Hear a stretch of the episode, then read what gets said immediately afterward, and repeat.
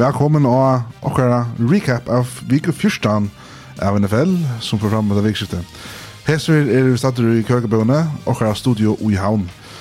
Henta sending ligger okkara spottfavenga under NFL fyrjar etter som sender ned, eller nekka tog meg etter.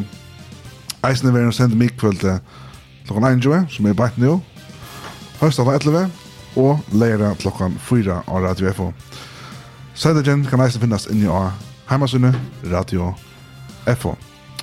Og som alltid, til dere som dursar etter her, og som øvrige dursar kom først før, så får jeg ta oss indre av føreskån ønskan. Vi kommer ikke undan å bruke noen ønsker vendinger som finnast, og vi reisen brukte dagligere tale, for det kommer til National Football League, eller amerikansk fotboll. Teknisk uttrykk som rikker best å bruke i hesen dem. Ja, røttene er ikke ordentlig urgøt i det, etter skåpninger, etter Arnar, Vi med det har vi Peter Hansen, særføringen Axel Berg og utesetten Agnar Prestam. Velkommen til, Atter. Takk, takk. Anke ikke Peter Aspitten der? Nei, jeg vant til å fornærme at du kaller han gøtt, mann. Han er vel larsinger og, ja, og halv klakksinger som han blir å si. Jeg må si at det, det visste i øyelig vel. Nå spennende og ferdig, ja, det er ikke det samme. Det går an for vi er ved skåndene, så også er jeg snitt at det er snitt at er at en så nekka distri er det klokka 6, 24. For at fra dumna kjenne bors. Yes. Atler sitter vi i hver sånne telefoner i alla bar. Ja, ja, jeg har sagt vi, vi kunne at, at henne skal skje med norsk meter. Jeg minns det var... Ikke på å ha sagt det. Jeg minns det var for noen annen skjøn, jeg synes det var at det var fullt om før jeg lafta nesten. Det er, man var nødt til å ha rett som Karan Jonksen. Ja. Jeg spiller playoff-final mot nettopp i Rasbjørn, så jeg... Gitt det tog jeg en kjærkvall til han skal fyrrøkast til finalen, så... So, Så nej, det var spennende, väl då. Ja, nu går med. Ja, han spelar han spelar mot Bröd Aspen och. Här är det ju nu. Jag vet inte hur det är, jag tror jag var det sista så tog jag det att det är ända jolla. Att han alltså det är ju tror jag att så det är ju schon en layer där men det tror jag att amerikanerna vill inte ha det att sånne dagen är det fullt ungefär NFL men det är ju negativister som lite sånne dagen. Så det är så Christmas special vi tog men ja, alltså här har vi den här godister och det som man just kan göra är det till eh där Game Pass så kan man ju kanske hitta sätt till dem så att de namnen lever äta och ja. gå upp så. Mm. Men det är så ringt han spelar final i fantasy att man kan inte ställa över hitta. Är också i hukt ett en för Redson där ett år. Klar på att också ha en chamber så när så vidare men Det var spela fantasy så det kan sättas. Playoff, ta playoff till den ett och inte där vi inte spoiler. Ja ja. Det var ska fint men ja. Ja, det är så stort att det har lagt programmet så jag har det nu så står det heter vi att att hade tror jag det slayer där och och dratt nu här sånt där. Hade sånt där spjatt kan man säga jag det här det går så Martin Sanchez som som hitchar så att han ganska orika och grejer att Ja, nu till det som Lucia live här i så kommer det att ha som nog så stora risadister som vara och i och i så runt ner. Ehm tant nu av det så innan för tur man är så här live men det ser så att ut av Spotify eller Radio jag får hemma sen att han. Vi får bare nice til tøyinder, her er noen tøyinder som är skriva in. Falkes defensive coordinator för till uh, landssjukhuse. og derfor han att han har en senspillere han er overst inn og igjen i pre-game warm-ups. Gå til inn til at tre for gamla var sötne löster och här var allt i ordan. orden. Det har nok kommet att, att det har tog inn i Arndisten. Han var för en hospital och en senspillere pregame warm-up. Kliar uh, man inte vara så intensivt, så warm-up med shutdown. Nej. Har ska rätt det. Vi går för att uh, Packers är, Packers så tar Shera Sammy Watkins uh, borster. Det är Romy Dubs, Dubs, säger man det? Dubs alltid. Dubs. Dubs, Dubs. Ja, jag har så Romy Dubs. Ja, ja, jag lusar en podcast med Jag har också Dubs och så Jonko Dubs. Ja, jag har alltid det Dubs. Jag har Jaguars och Jaguars. Ja, Här pratar jag gott. Men ah, ja. Packers service spelar sig att det vill inte ha. Det har inte plats för bakens man. Kanske till lunch och är något så här. Det kan vara. Men uh, Ravens tar hava plats för honom. Han är tar tar tog han. Ja, av ja, av waiver wire. Det här är inte riktigt att göra receiver core bättre, ja. Han är värre för det. Sam Watkins är svär Rams för honom för. Kan vara någon? Jo, han är väl för sig. Hoppas sen. Ja, han är väl för sig. Ja. Bills tar draft av han. Ja, han skulle vara att ha ett större än något, men Ja, först du ser vart spelar Walter till draften. Där tradar jag upp och gå två första round picks för jag kom upp att jag tradar. Eller gå ett ägare ja, för jag kom upp där. Men Packers har receiving core är alltså Watson, Schumacher och Dobbs och och vi klarar playoffs. Nej tack. Ja, alltså. Kommer nog att det starta sen här men men det är nog lite spännande att lägga som med men nu är. Ja. Men det står som Quitter har satsat så mycket på vägarna. Jag vet inte att det som då. Hinner vi Men ja, Matt Stafford Jeg var prata om han atler at Jevast. Det er begge meg for kommer komme og klare så vel. Men han fer ikke at Jevast. Uh, han har haft några skier i år och så vidare och så var det Super Bowl uh, timpmen. Uh, så det var sånt där av, av, av Ivo om han får kanske att han jag gacknar upp.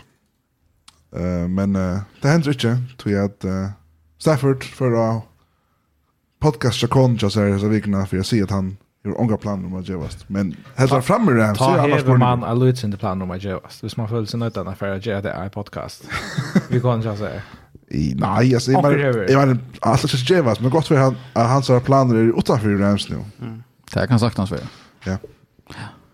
Tar, men tar jag snägga jag tar måste skaffa sig av igen för att få pix, alltså, det är...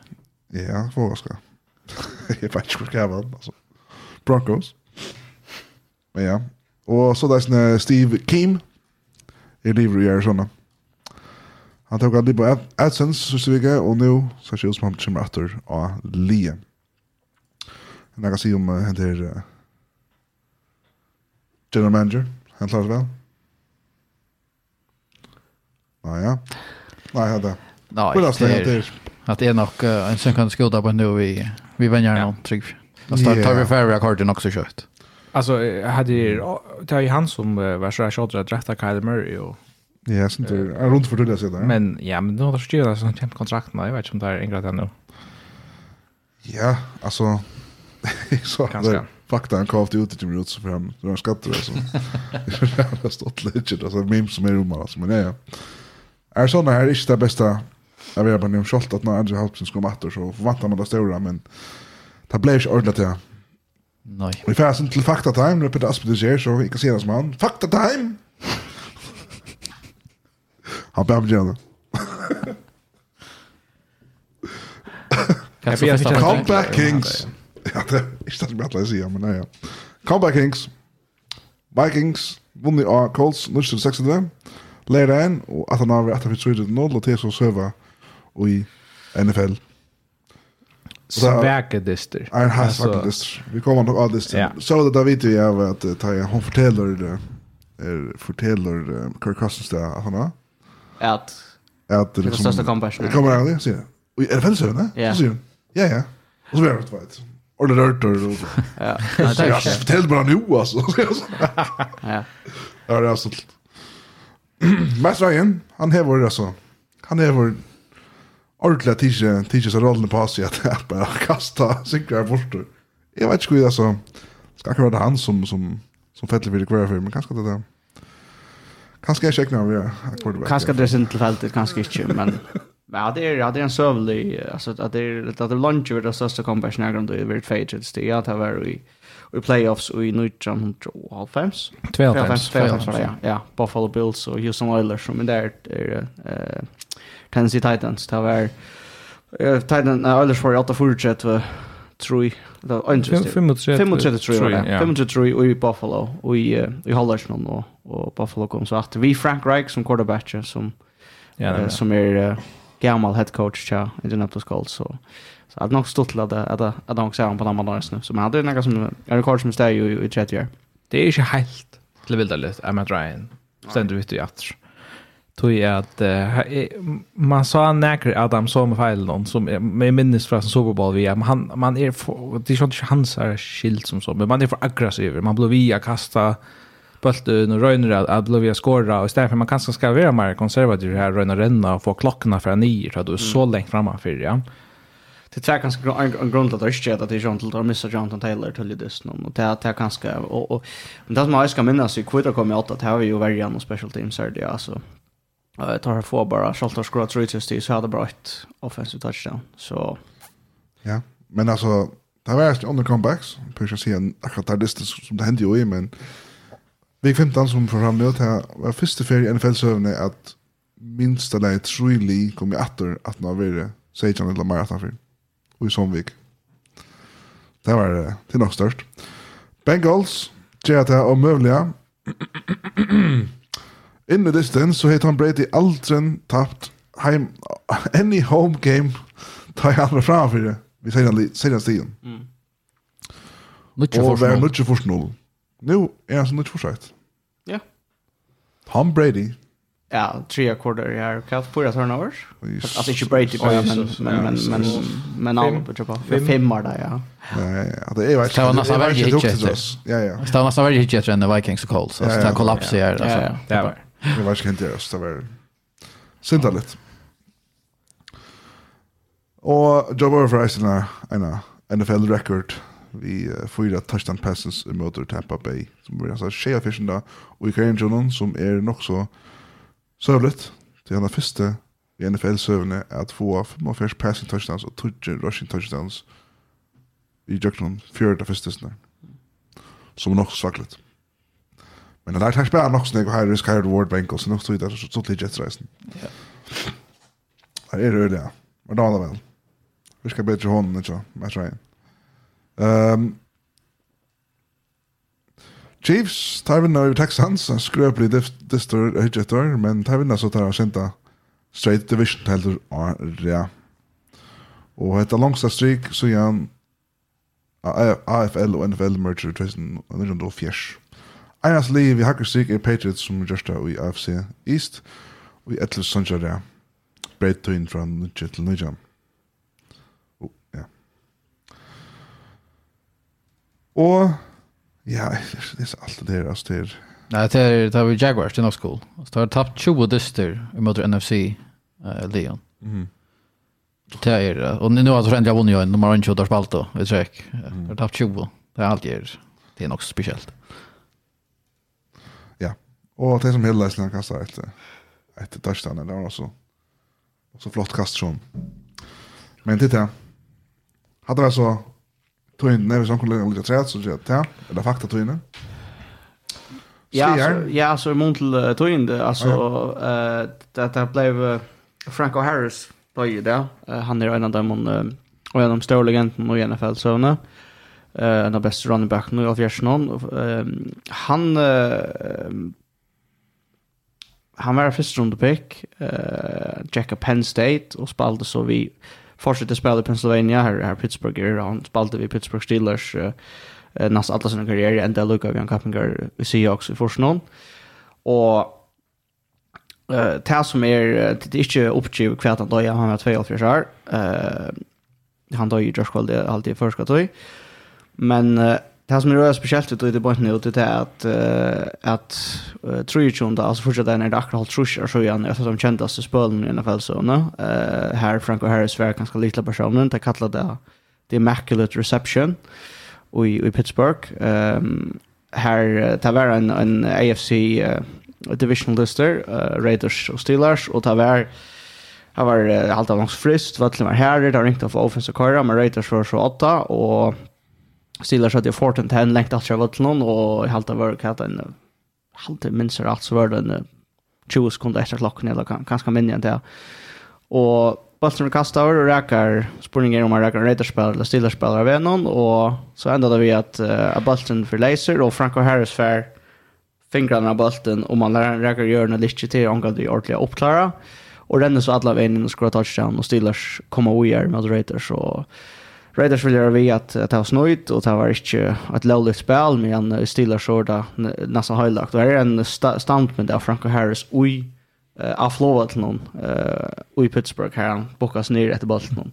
Så han är en väldigt ikonisk, uh, ikonisk spelare, ett väldigt ikonisk play i NFL. fall så, så vi sitter när i Pittsburgh slag mest till ta standarna och vi sitter inte liksom med att play att det här är en helt sån jag kan det är immaculate reception och av YouTube, av Football Life, and den där serien som NFL kvar här är en en hel parser om, om Barrett Play och allt som det är så, så, så där vill det vara en check, och det som så på grund av det Uh, NFL har lagt uh, disten uh, med Raiders och Steelers ses för till att vara uh, nu i halta det är tar spelar ett uh, går så heter vikskifte i Pittsburgh här som distance ner distance nästan värre för helt så tror jag Så det som skulle vara en höjran av, av Frank Harris Blues en höjran på en annan mat där han visste som Sean du. Han skulle vara stigar och i halvtid östen ända att uh, nummer som 32 skulle vara uh, retire som man gör i NFL så Alltså Angel ska börja efter så Ölja speciellt kan man säga på den här maten så Raiders Steelers är, är uppåt morgon särskilt så vikna. Ja. Deras vaktplay, du må googla det. Hvis, ja. Hvis du ikke har sett det. Ja, et annet ting som uh, vi må nevne i forhold til internet, det, det kom fram i kveld til at uh, Matt Ryan, nå tog så vi ringt om han i Janne, men han er korra bunchen i Indianapolis for uh, onkan annan enn Nick Foles. Pro Bowler. Så klarar det, ja, så klarar det Super Bowl. Super Bowl MVP, Nick Foles. ja, jeg, jeg vet ikke, altså, det, det må være et eller annet som Matt Ryan gjør i Indianapolis som gjør ikke damer han her, altså, han ble fisk blå bunchen uh, Korda bunch för Sam Ellinger uh, och så knappt innan nu ska Nick Foles komma här på ett tag över.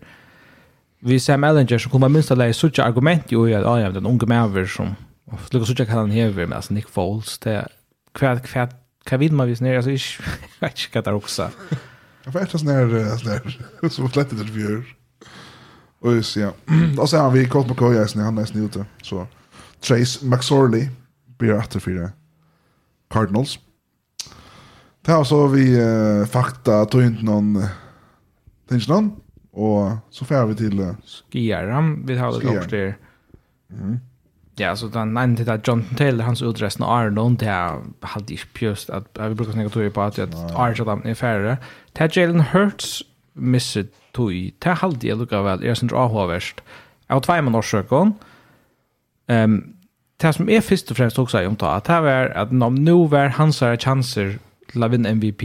Han fer vis ner utan så att han alltså hvis han så missar tvärdister så blir han inte MVP. Det blir han inte. Det är fortatt löpe till det. Ta ta man som diskvalificerar över. Jag håller det totalt tablet att att att han ska ligga här uppe eh i förhåll till Mahomes men det som jag hörde från Ödlen Öre från amerikanerna det är att Jalen Hurts var favoriten till att få MVP. Ehm så det är ju inte det ena men så kan man säga för det så avskan Ja eh, nu Mo Cowboys gott nok ägrar sig i att ha ju mot Jaguars. Det så hade haft en möjlighet att spela ju mot Eagles i vikskiftet någon och visst hade vunnit han disten så hade alltså alltså visst hade vunnit mot Jaguars så hade haft möjlighet för fram fram Eagles haft nummer 1 seed i NFL. I NFC. Så Jeg tror vi at Skyrim kanskje ikke har noe å si for playoff seeding, men spørningen er så vi er frem etter. Ja, og hvordan ser det? Er det kast i økselen, eller er det? Er det hin? Hin, ok, ja. Och men men nästan det för all där det är vi am quiz gal Jalen Hurts renna bulten sån jag alltså och Josh Allen är isen skatter Lamar Jackson skatter Kyler Murray skatter alltså det är en grund till att att quarterbacks som kunna mer än renna skulle man man, man inte är så glad för det ja att att renna sån jag Jag hörde den ett citat som säger, det är några unga quarterback som du har ända. Inte en gamler. Alltså, det där blir inte gamler i NFL. Mm. Justin Fields, han, han är en som, som faktiskt inte offrar sig showen. Han, han är kloker. Ja, ja. Det är mot Josh Allen, så då ja. playar han uppe i vikset nu. Ja, jo, jo, Josh Allen är fullständigt crazy. Yeah. Alltså, det, han är, han är hänslöst, han spelar, men, men, men uh, Men i halten med Justin Fields är han som nämligen kanske är ofta så hållskatter här lika akkurat och det är ofta han för lika och det är såna löta till han vilka för en det ligger så uppmärksam på den ändå kan man också jag ganska gott en gång så att alltså nu gott nog spelat med Sanders och gång det nu så just men han har haft en öliga kapning grar och tar att två receiver som är ju uh, mitteltar bäst i NFL särskilt Brown över Serena efter kapning grar så så kan man säga onkel du kom kan man undra sig kvui att där snack shot om tar vi skröslar var viktigt för all för dem att de kunde höta vi bara men men man kan kanske skruva lite under ner på det. Ja, alltså när vi vi den hörs missen nu alltså kanske ett alltså Jag syns inte det han missade momentum, så det. Han, han, han spalt väl, så han stissnar, och jag missar det där, för det där, Are playoffs, där kan bryta sin. Du missar tror jag det där, och en bye week. Ja. Så spurningen er nemlig det. Hva, så håndterer du Jalen Hurts nå? Røyne da få han atter, för jag får han halta han i rytme, men det är inte helt där han sitta ut i fyra veckor Arna ska spela ja. playoff this. Det, det är helt inte optimalt, men hin vägen är det hästen farligt eller att han kommer åter hvis öxeln inte är 100%. Ja, ja, och Cowboys var ju ju brutal och alltså det kan vara att han han får få några några knopps ut i dusten till helt säkert. Det står här många en gång att spela, men sen är det brända klunta. Alltså, men sen kör 100 så det var bara att spela. Det var ju också vidare så att hvis det spärra hurts nu, hade liksom bara teoretiskt. Och så tänker det ändå mot Cowboys. Jag vet inte hur ofta säger men så gör det till att han möter Cowboys så var Cowboys 50 sida. Så möter det inte. Det var det lugga. Ja, ja, men se bara det skulle gå. Det kunde ta ner sex, va? Ja, så chans var för boy men det var det. Men visst alltså ja, men jo jo. Nu kan man se Eagles Islandsfjord har vunnit Super Bowl. Det var vi en backup quarterback, Nick Foles, som vi nämnde igen. Men jag kan säga att alltså, tar vi inte Super Bowl så är Super Bowl gör det Nick Foles. Uh, Justin Jalen Hurts spelar, inte spelar playoffs. Och då kommer så helt i Super Bowl, hvis han inte spelar. Ja. Alltså det. Au. Så läs. Kan jag tänka dig? Forskare som rullar tjejer för Jaguars, det är um, uh, uh, Robinson och offensive line och pass rusheren uh, Trevon Walker, first round pick fra i draften i år. Ja. Till Röda Kjell Jaguars som Röjna nu och kommer i playoff. Mm. Och här var faktiskt en god chans. Och så smissar han ganska två bästa, eller den bästa av offensive linjen och den bästa, eller en av bästa går i världen. Ja, så tar, tar alla wish nu Jaguars så att kan det som att faktiskt har nek kan man man kan inte vant i de nästa åren så som vi tror Lawrence Bell på andra matan och eh vi ska kunna komma spela som det som Cowboys eh och och alltså hvis man hukte en kappingar och sa att Jaguars Jets skulle spela en Thursday night just under point vi också så ah kanske inte ordentligt akkurat uh, mest viktigt men det faktiskt en extremt spännande dyster mot playoff uh, på det är som kom in och nu och jag vant för jag får se Twitter John för får hoppa Jaguars vinner. Ja. Eh vi får bara ut listan nu. Och vi börjar med listan som som börjar först och det här är uh, 49ers uh, Seahawks. Eh vanligtvis så play jeg altså intro och allt möjligt och och men for the Niners så det ut att ha ett hamrande størst defense, ett hamrande størst offense, eneste steg tar lekka til quarterback-posisjonene, men han visste faktisk å være bedre enn Mial, vil jeg sagt. Altså, at, som, man kunde, det kunde haft mer fra Einar ganske, men, men, men det som jeg vil si er at ikke fortegnet fra Brock Purdy, Purdy, jag har alltid att tre till vi är quarterbacks i ligan kunde göra samma som han gör. Alltså det li är så starkt som det är. Alltså, alla positioner är filtar. Alla sända. Men det som Brock Purdy har och kanske hinner köva det är maten han är på och maten han utstrålar showen maten rosar öron och tänker onge är i på whatsoever. Han ser allt när det gott. Han tar så bär om alla hinner kan ta gott och så vidare. Eisen, det er bare litt detaljen her, at, at han var touchdown, så bojar han av søylinne, han fikk ikke feire nøkron, til extra point ved skåte, og innan vettlen, og at lukka som, i evil kickeren. Og da vet, startler hendene så videre.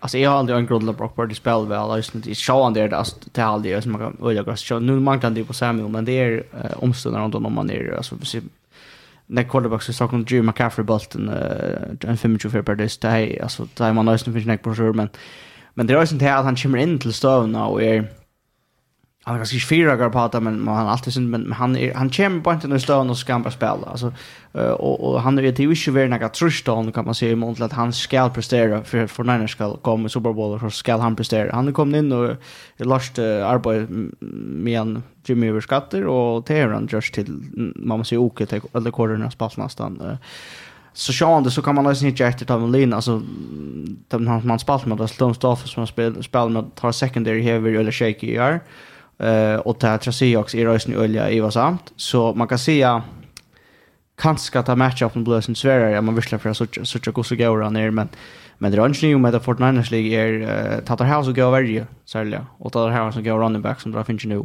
så kunde det absolut komma Super Bowl, Sean kunde det. Är det två potentiella playoff-lig, Buccaneers och Seahawks, alltså som han vinner mot och spelade väl. Mm. Alltså han spelade, ja, ja. han spelade gott. Han är. Yeah. Han har två touchdown kast och 216 yards och där ger on on interception on turnover så. Akkurat. Och tar det åttan Debo Samuel yeah. ska vara minst eisne. Sean du Christian McCaffrey den bulten för när det snurrar 108 yards. Alltså det det är fantastisk spelare här va man kan säga att han fyrer sig.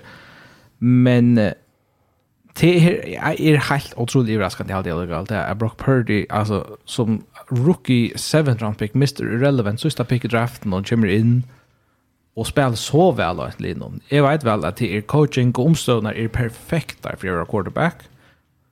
Men stadväck att att göra det här är är jävligt imponerande och är färja sedan nu att hvis, hetta hvis Brock Purdy inte kollapsar så får Niners det bästa ligan för NFC.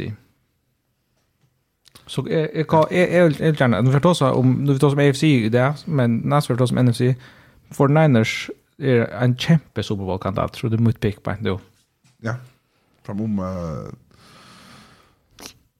Eagles och Niners. Ja, det ska ja ja, det ska näkt till Lions Giants Super för jag kallar det Eagles men det var ganska Men det var en alltid värna släpp ont. Ja, det var en öliga gå NFC-final av Eagles mot Niners men Men det det är nästan visst typ nu var man inte alla Gus lunch var ute en 100 100 men visst han blev klar till playoffs.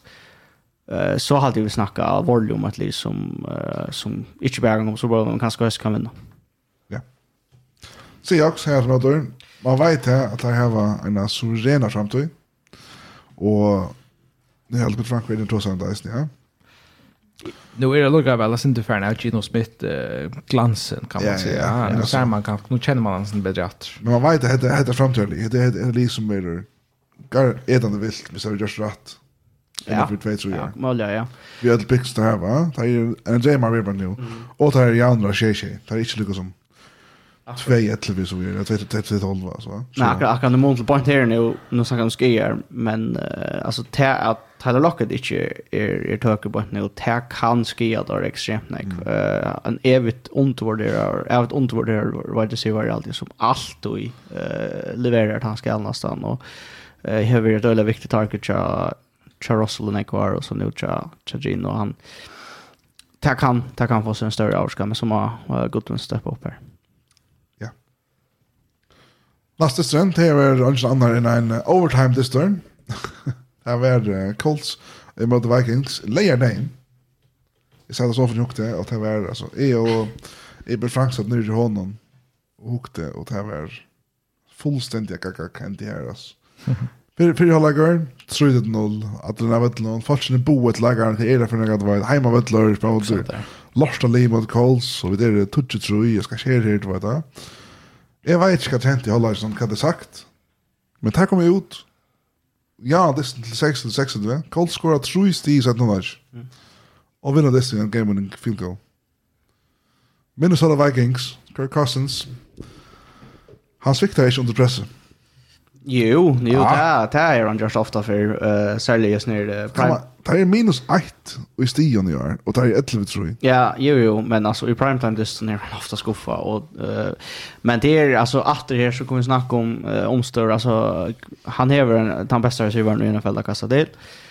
og da han kommer igång til sin dysten er, ta bra ut i stöljan ägg, uh, men jag vill se att det, att det sen med att ta fyllde vi er, för så såg det med att, att det är ganska nu har man ser cracks alltså typ Vikings och Vikings. Ja allt allt är ju så men så Vikings. Ja tog jag att när man tar tar schedule inte vill så eller eh eh svärst och när man tar av som tur sen är när det är när eller tatt. Kan du ta sig några om kan man kan men ta sig ju sen att att har i vil stryk hos nek sterskare der er igen jag jeg hadde ikke stått sterskare enn Eagles för Niners än Men Men alltså här är det också Elias Linon som som ger att och i en NFC playoffs att har har en chans och eh men som har att spelar bättre än gjort än gjort det passa det någon schalt om det som sagt inte väljarna så länge stigen och så mot det Jevas och Jerry Filer som är mental Filer och Kirk Cousins är en quarterback som Här är Flores and Ron Radar. Han är faktiskt vid Gauriar som vi alltid var inne i en sändning korsande. Men EU sparar stadigt om det nog. Men tar man klarar komma att från rutan stiga ner ta ta det också man då. Ja, man kan ju inte vända där på vägen kan man säga. Hur ända då att att runt tror det noll, men nästan är det största att man vill att man man brattra. Alltså show distern hade är är nog värt att Oceans dyster tror jag och Vikings har en annan gång kandidat för Oceans dyster mot Bills. Men eh, alltså den är är väl nämligen själv är är av vakt och så kunde det liksom tända tendra distan bant on holag fyrst holag enda en Och så søkje trus in dol och jag också ju beina med att det var trus in till Vikings att der får jeg benka calls out det där som det vant han jeg have men eg fekk altså också jag var bursk og tru och tredje med null calls kvært honda altså kvært er hent her Eh men alltså det som mitt land händer till alltså att Colts har bäge ett blockt punt som får touchdown och ett pick six. Alltså det här special teams och det här defense scorar ett touchdown och alla scorar faktiskt bara ett touchdown till Colts. Och så är det här den riktiga field goal drive så. Eh och ja och alla bästa stäcker så upp eller är det vanligt av Vikings i förra hållet. Men det är också det där ta Gilmore hey Jefferson Lemon. Cousins og Vikings kunde just det spännande stadiet. Jag hoppas inte på alls det som är chansen på att ta. Eh men tar jag det blir jag köra. Så kort det då. Och alltså man följde virkelig momentum jag var inte men eisen här alltså man följde bara cold star alltså som man alltså att tar en hus bara koppa ja det här var inte jag kom efter det var helt förfärligt jet. Gus Gustav Scrambla i samma jobb där imorgon. Underhållande distant för ju i overtime och ändar i sista sekunden alltså på ett field goal. Han lukar ända Jan Lager så slår man snäv världen så comeback visst det ända Jan Lager eller kvätt. Nej, goalist. Ja, det var fantastiskt och, och då det förstår som nice nu. Vi för hålla jag vi vi Gilmore och sätter han fyra nice ja. Mhm. Han fick Nickers oss ner 5 6 yards och så vidare men men han fick anka det bröd i. Mm. Och jag vet inte det alls inte Gilmore han stod ju upp och satt någon läge men men eller ganska, kan det hända här eller bara Jefferson tog samman Ja ja. Ja. Men det kan säga. Ja, det kan säga men men för det var ju vad så för Gilmore att ta ta ta så jag grannar så är det så är det var så legit men men men det är som också säger det just hours maker calls så ska man vara imponerad av att klara att över ordla vi ut vad man bär Vikings Cowboys. Att ska man spilla där ut i i flera timmar för att att att spela som vanligt 17 år som det gör och det är och USA vill det sånt ögonen pojkar efter vänner att ta någon självande självande ska det alltså till att det så där händer. Alltså det det är ju av att någon åtan för att det kollapsar. Där man tar man klarar att alla snäcks i. Alltså minns det, är en docka som ständer som head coach cha cha calls. Alltså ja, att alltså Jeff Saturday alltså det det här en en high school coach som är förvänt spelare ja på som 60 går vi in vi iron om eller alltså general manager som chairman på det Det var ju disrespectful mot en i NFL att göra. Jag ser en sån man över headcoach. Du kör ju en som är vänjare alltså Pilton som omgått ju vant mer än det att att köra ett land ali alltså även jag landsli eller ett land i fotboll. Alltså det där ger man ju inte ordentligt. Alltså det är här är det som sti är för upp till. Ja, alltså en onkel offensive coordinator som som onkel runt det över allt som som där har passat det ju. Jo. Jo, allt det. Ja. Men ja, ja, det hade varit dysten och man bara ser det. Allt det. Colts er ferner at løs, og der bare vil ha Ari Liot, som kommer till draft och bygge Och Vikings är vi i playoffs, vi har en god record, Och här var kanskje en lysende vønnen jeg kommer långt. om det klarar klarer brøytbokser. Ja? Mm. Jag kan nesten være at det er mer døm på att, att, att, att Vikings liv som ganske alltid undervärderar Colts. Heima vedle, vi knustar i allt ja. vet Och så bara trykker han fullständigt galt, ja. Det kan nesten hende. Ja. Nastestren, han var inte så säkert gøyren ganska öle öle stark defensive distor. Ja. Ja, jag hade här kan man säga Ravens stadigt utan Lamar Jackson är här tar ju ish han kvar utan han eh särskilt på och Browns alltså tar kommer köra igång med Deshaun Watson en till helt skivaskande tar klara vinna dysten men det går mot Texans men till nog playoff det med Jets. Nej nej, tror inte. Ravens är playoff nej. Nej, Browns, oh, Browns. Ja, Ravens. men Ravens till allt annat bara går skött Lamar Jackson blir lärd. Nu kunde alltså nu för Bengals för framom. Och vi så hittar att Tromsö har Tromsö som också så det fler i AFC som som bänkar på. Ja, och det är alltså intressant att kan nämna om så där en kontrakt med Lamar Jackson. Vi har skrivit under lite, ja. Det är det jag gör. Men det var det känns Watson han blir ganska visst inte bättre men stadig helt lagt lagt för att han spelade det och då är vi för då Arnon Kaos och Jonan. Nästa joke till så är bland det större med den Bills och Dolphins.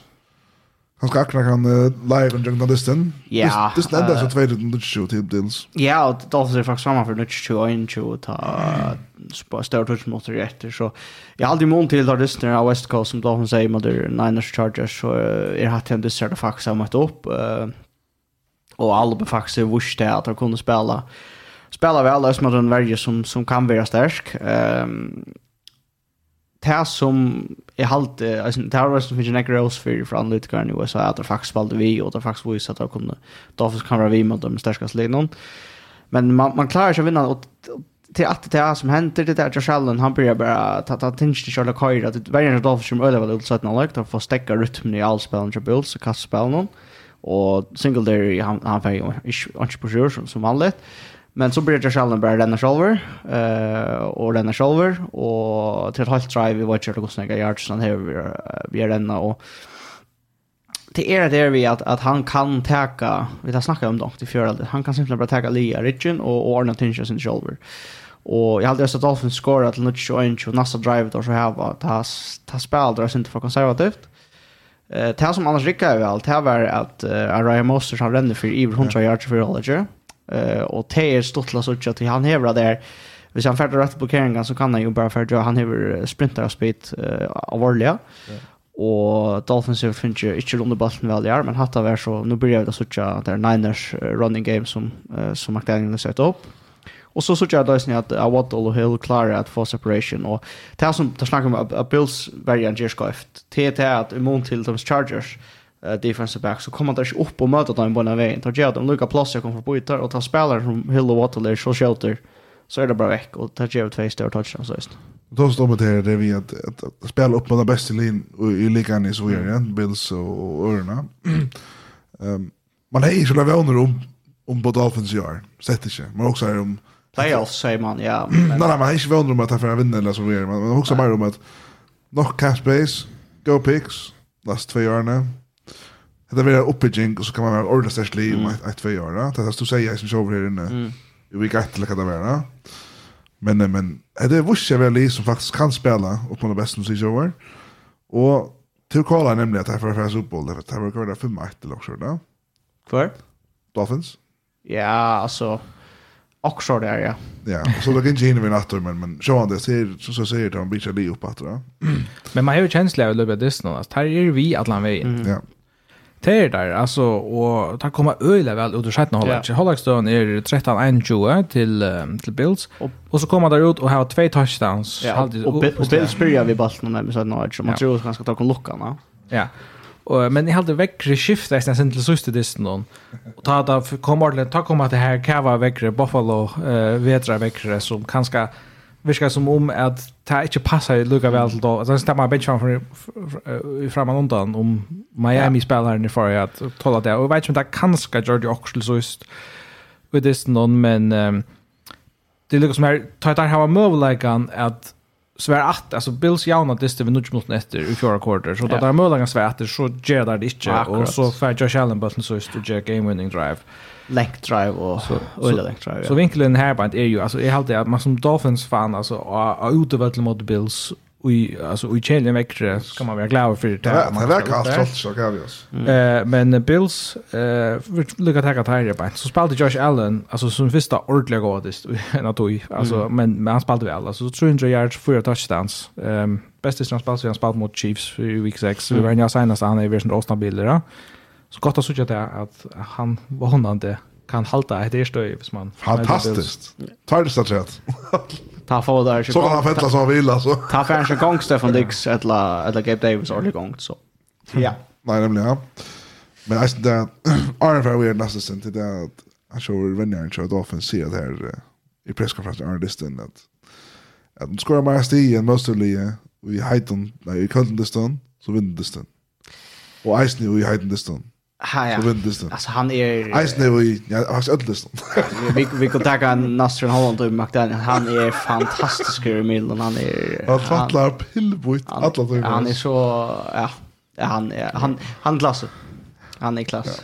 Det är... Visst, visst, visst, är vill säga att så ska jag bara... Med McDaniel presskonferens så ser man lagat fram ut. Lastes Jogon. Det var Falcon Saints. En toppdister i, i Tara Division. Ja, det spelar allt det. Ja, allt är står topp det står. Allt det.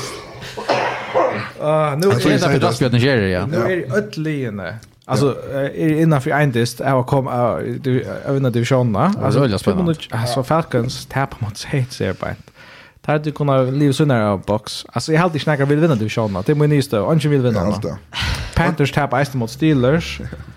Är inte skilo just ner. Alltså Och jag tar som det av hvis Box blev vi att häpa så kunde det ända vi bränna sig till så just. Det så först. Jag känner inte straffa där. Alltså där här är inte som chamber och utfordra där. Det tror jag säger alltså att Jag jag vet inte om jag box för missa det tror jag först kan ta det för box över dyster mot Falcons och Panthers så. Det är två eller tre mot. Det är väldigt spännande. Vann vann Steelers så Panthers ett en seger från att komma playoffs. Ja. Det är bara Martin också. Framman för box alltid faktiskt en tag. Men ja, det är tiebreaker. Ja, men look at det. Det är för Jaun ja. va? Ja, ja, och talastiskt här var det är Steelers Panthers och här Steelers vinna utan Kenny Pickett. Ja, för Silver. Mycket bättre. Nej. Mike Tomlinson för att klara. Nej. Vet ni Consumer a winning season after. Ja, man tror. Där ska vinna tror jag. Så ska vinna rest. Ja. Pickett till Pickens. Måste jag säga. Jag säger det alltså. Vi får att lasta sen till här så Eagles möter Bears Och det var en tatta lyster med Matta i åren. Ja, etla, jeg var ikke, altså... 22 til Eagles. Altså, Bears har spalt nekvar av snir tastet dysten jar, og da Bears klarer å vinne der, og vi, altså, tatt her Justin Fields som quarterback, så kom der alt var vi dysten, og han, han er ekstremt farlig, han, nu, nu er han langt, han kom på om tusen rushing yards som Braden 3 quarterbacken, så, nu, at han fyrir Wick og Lamar Jackson, i halvdet arbeid, tror jeg, og ikke man annar var nær vi. Uh, Så nej, han uh, han gör det spännande men men Buffalo Bears är till näst folk som nästa så tar man tar av isen tar trade. Nu trade där han till uh, Ravens korsen, ja. Eh så uh, Rockon Smith då. Så det är nästa år Bears men uh, Eagles clincha clincha där playoffs vi sex nu. Eller vi clincha där först. Ja. Divisionen. Divisionen så ja. Ja. Ja. Chiefs All right. Oh ja, Chiefs spiller mot Texans. Queen er det sin overtime. Vill du veta? det? Ja. Det var... uh, Det är utvettelig. Vad jag vet inte hänt jag David Mills står han spalt akkurat som alltså som som Brett Favre i, i, i Forsen och så så alltså. Men Chiefs gör oss för några turnovers så. Alltså det står man att det står man att det. Ja, ja men alltså det är som oftast ett inte med Holmes som ger turnovers. Nej, i ser i ser med Holmes, jag ser the Chiefs. Ja, jag fan. Ja, det har väl sagt lite fumbles just det där, men men men det är det. Texans är ett ett av vars offense i ligan. Mhm. Och det klarar att få första down. Första. Men tar ju just vi alltså Ocean mot Cowboys alltså tar ju vi och som har vi. Och Titans har det. Ja ja. ja. Jag också är det mot mot mot Texas så också så. Texas är funnit mot Cowboys. Så där så också ganska det kan vara det är spännande så vi är väl Chiefs hade det. Att mot Cowboys borde ha vunnit. Det är Tanders borde alltså absolut ha vunnit. Jag också bara att så också bara att Chiefs neck med Cowboys också. så. Men det är så bäst så tätt och det blir så det var så frustrerande hitjetter. Ja Men jag lukar väl samman alltid vid känslan med Tempest. Och det är så väldigt ofta när man är Chiefs fan så man att det. säger jag någon så och så yeah. alltid man så. Det som kan bekymra men vi vi ser vi Chiefs fan att la vi ska ja, som tippa Chiefs så står kommer Super Bowl. Det är att de inte klarar att kontrollera dysten vi är ännu. No well. Eh och till att ha secondary simpelthen i förvakt. Det är två tape attention som som bort nu är så som är och och särskilt i sån playoff det som kan ta vara.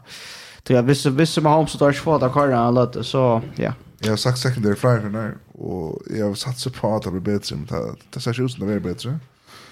Chiefs klarar sig väl mot Lions redan näck. Och tar spela av Bengals och Aaron Lions som ganska har en runda rum. Så färdigas. Mm. Och i stället ner så, så klarar han show så också väl. Det var så vi ser en extra stund.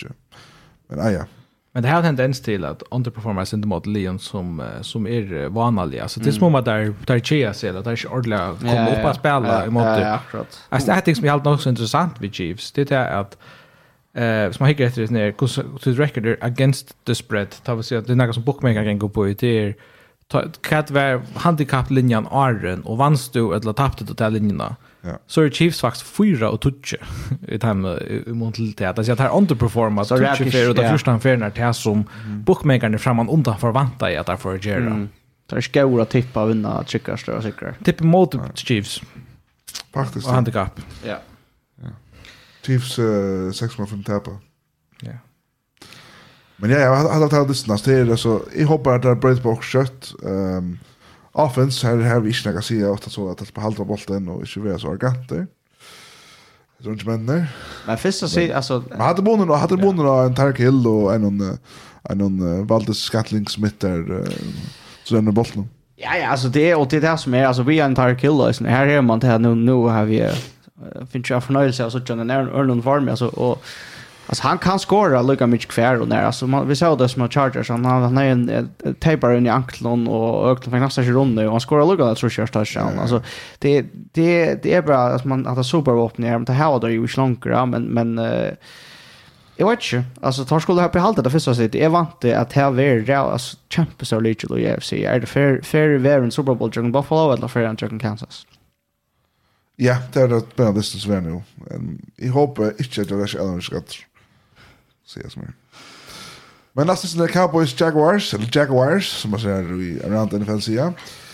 Eisen er distri overtime, fullstendig kaos, og nu går endelig tås om Trevor Lawrence. Ja, for søren. Trevor Lawrence, ja. Er, altså, Kan vara 8 interceptions och 6 sistene? 14 touchdowns? Jeg minns också, också noen fjör, men jag minns att han kommer sophomore bare til NFL. Och han kommer i sig så koronatøyene. Det var sånn så leis, altså, han är fullständigt med på Gotland som som som han faktiskt som blev sagt om han fjör då. Han spalt jag hundan till fjör. Det var det alltid jag tror att det är först bitch här vad är det för något. Back med för två. Och så kör bara ju är och vi bara ordentligt lejer typ. Och han tar sig fram alla tunnar. Alla tunnar. Ja. Alla tunnar. Och så hugger han bara Hesa mer här är kan två år då. Ja, han är en ungrare. Han är en ungrare, minst två år. Alltså. Hesa Jaguars är han, han är större framtid han. Old old franchise quarterback. Han är ställt tatt för så potential igen, det är så först I röv. Ja, han har var med Ja, han barberar nu i K60 stil eller det. Ja, att Arla Arla visar att han då till. Ja. Hit som du säger så det visar sig bara viktigt att att vara vi quarterback just är inte säga 50 till 60 stil vad ska då är det inte Alltså så man tar man ner ett högt draft pick. Ja, och det är chans kom playoffs. Ja. Absolut. Och alltså han blev bara bättre för kvar Vike. Halt i nästan alltså man kan se om om, om Trevor Lawrence och där sjuste fyra veckor här han utrym och distan kastar för mer än 300 yards och så touchdowns. Och i distan som där har vunnit, alltså ja. Eh och i hesten dist så i ändan någon så ger han nästan bara några goal plays som vinner disten eh la som som han kör det sent i overtime eh att Alja the drive till alla sjuste I'm not extra klockorna. Och så kör han där där stått nog verjan til Jaguars som i overtime vinner distan på pick 6. Uh, så det var sånn der, uh, ja, kanskje ikke akkurat det man er vant av, men uh, Cowboys er av åtta vi sier chans de om midt i tre quarters. Og gikk, så gikk det bare nyra bakka herfra. Jeg hadde Dak Prescott, hei omkring en interception, uh, om det er mundt i eisne og ja, tar, tar burde ha vunnet han det dist. Og altså, det er det man må si, at Cowboys burde ha vunnet han. Ja. Men uh, det gjør det ikke, og altså, Jaguars er så mye gåer her før for at straffa tar feilene som, som Cowboys så gjør det. Ja. Ja. Ja, ja, altså, skuffer av, av Cowboys, det er nekk bedre til Dak Prescott ikke kastar. Ja. Og det er sånn Pollard og, og Sig, uh, Jared og Dool rett der, og et eller annet, Sid Lamb som etter i Slant, og Færbolten stått til og så videre. Mm. Kjøst man blir kastet langt og så videre, så så så ställer vi ut till dem va så jag hade att att, att han var ordliga just det box share att att inte att visst det playoffs gör. Mm. Som då nog färdig. Ja, det är det har vi ösn det är ösn mot tippen som går mycket kornare med. Men det Buccaneers så eller Panthers. Ja, det är det. Det är collision course point nu vi Bucks och Cowboys. Alltså Cowboys är nummer 5. Buccaneers är nummer 4. Ja, det Panthers. Eller la Saints, ett la Sharks. Ja, det är det. Oj, Jesus. Åh, det är det. Det är väl en sån. Kan stå att de är på att ta. Ja.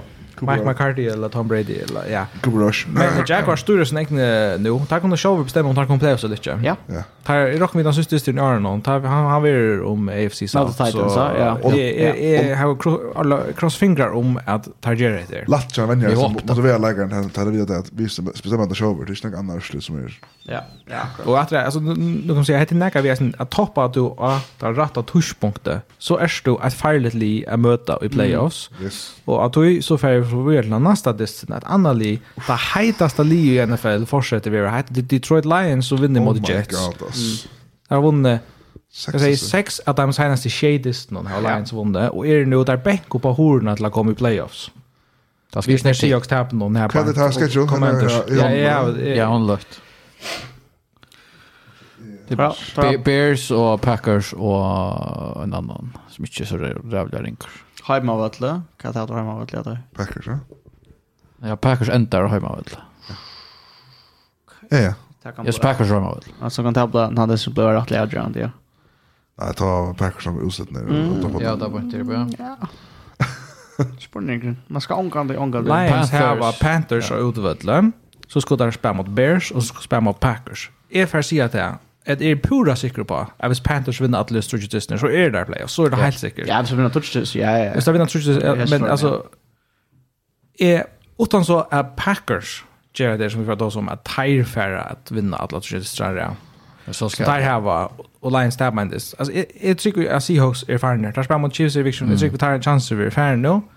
Så likte jeg mellom Commanders och Lions, Och Lions færre i Commanders. Jeg tror ikke vi ikke på Commanders. Jag tror det är bara Jets. Jets. Jag kollar i vilken Jag kollar vilken fyra att ta för playoffs. Ja, det bra du. Kan kan du just nu? Kan du just nu? Just över Jaguars. March. Ja, passa passa passa ja. Ja, det är som sagt här alltid med Jaguars. Tui, tui att tar kapp och stadig vid Dolphins och AFC. Det är sant. Eh, det är väl tatt Terrace kommer den allmänna låt, men men Tim Under spelar vi Zach Wilson som quarterback och så spelar vi Mike White. Ja. Och här var en bara som är bättre än Torboy. Generellt. Alltså tar mankla bara en ordentlig Johan. Han kan fördela åtta äh, engelska lacknar också, ut. Ja, yeah, White. Ja. Yeah. Jag kan uh, liksom få second opinion, second opinion på det där. Jag helt av en joke, men så googlar jag det. Det är faktiskt störst det. Jag får engelska lacknar från det och Några av dem säger, så en av dem säger att de spalt igen.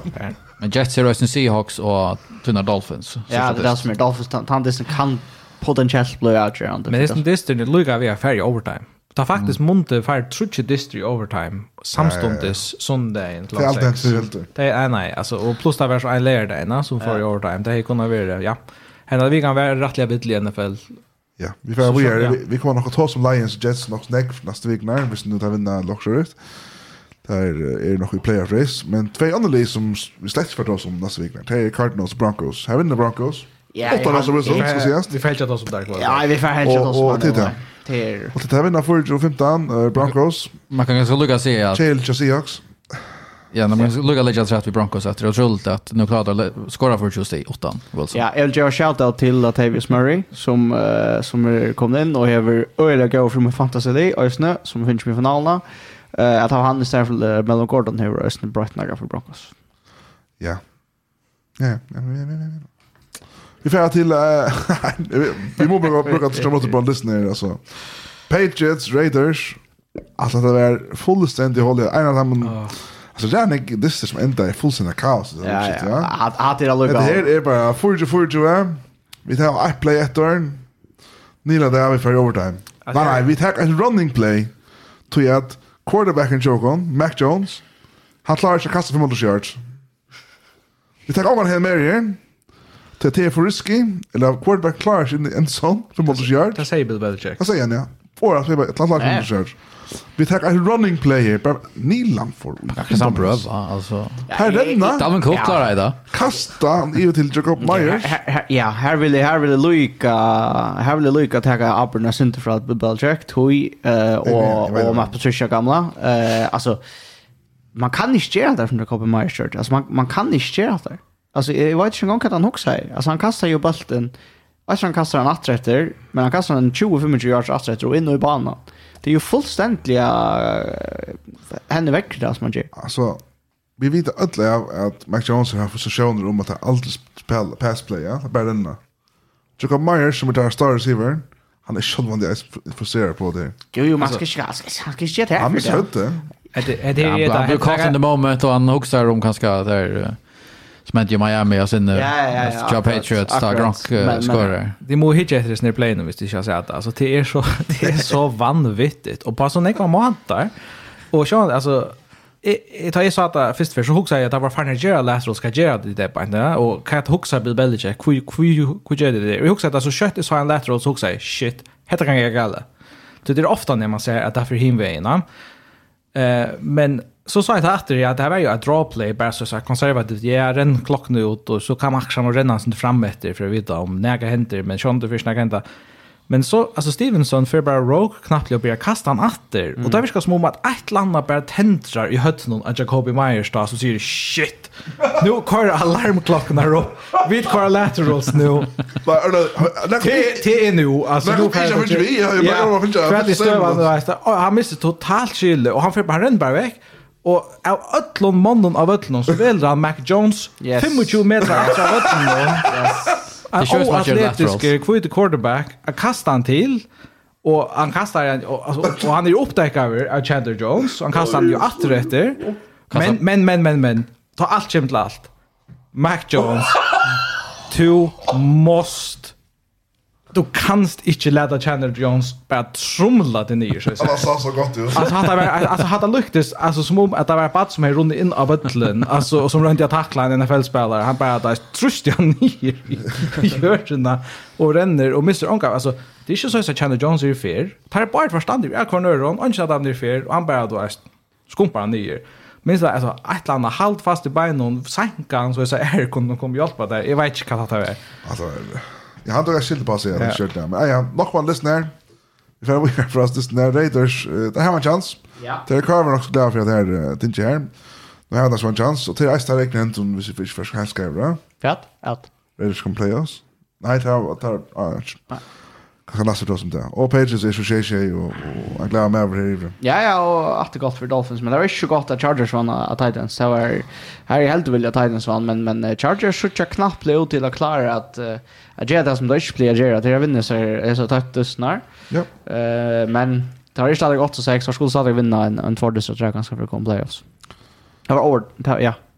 Jag har alltid mistet uh, playoff-plass, og jeg snart listen. Titans? Nej, eh orsaka Patriots. Eh yeah, Titans yeah. hade för att kosta time och vi att nu bara tar hötter ja, Allvarligt. Ja, Jaguars. Jaguars. Jaguars. Yes. Last eh ja, Chargers vann sig första och och är ju en driving seat här till få playoff spot isne. Ehm Bengals vunnit av Buccaneers. Här är snäcka tås om. Här var att det var den ja ja ja. Ja och där vi må vi må vi må lucka tås om alltså alltså här sekvenserna alltså alltså här fadeserna och gör Hallage. hållage. Ja, Buccaneers. Vi tar det sust. Vi tar det Giants uh, Commanders.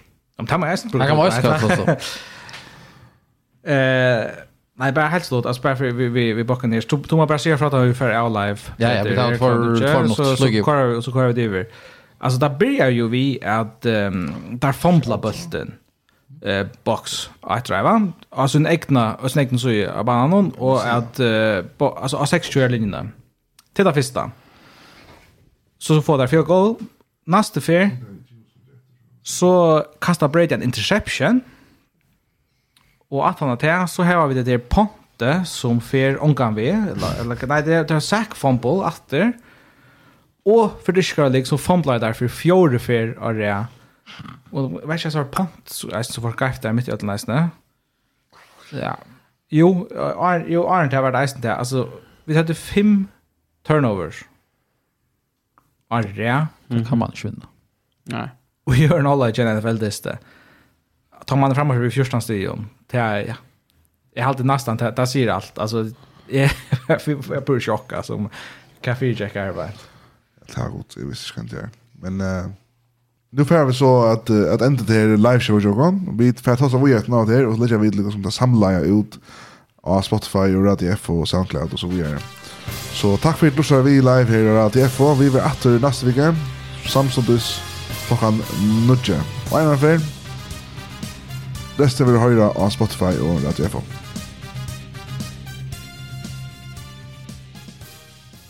Velkommen atter til som uh, fører Spotify og Radio FO at jeg finner fremover. Axel Slås akkurat om Brady og hans her uh, erfaring. Ja, nei, jeg har bare tatt at jeg tapet distan her, og jeg har sånne sekvensen i arbeid her man gjør sånne ekvatørene og så er det, altså, det kan man ikke vinne den feltet distan på.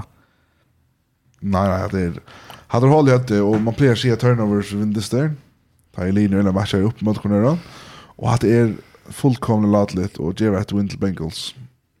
Bare gratis, ja, men, men kanskje bakken er ikke så stor enn trusje, lukka vel. Ja till lin är som var trösta dem. Nej, kanske att Hetta kan gjøre dem skump. Jeg hadde bare det verste om distractor. Jeg hadde all linje, eller jeg hadde spalt hver for mål rundt dem? Hvor? Buccaneers. Buccaneers er två røtter. Falcons og Panthers. Ja, ja, ja. Ikke Saints. Og Cardinals.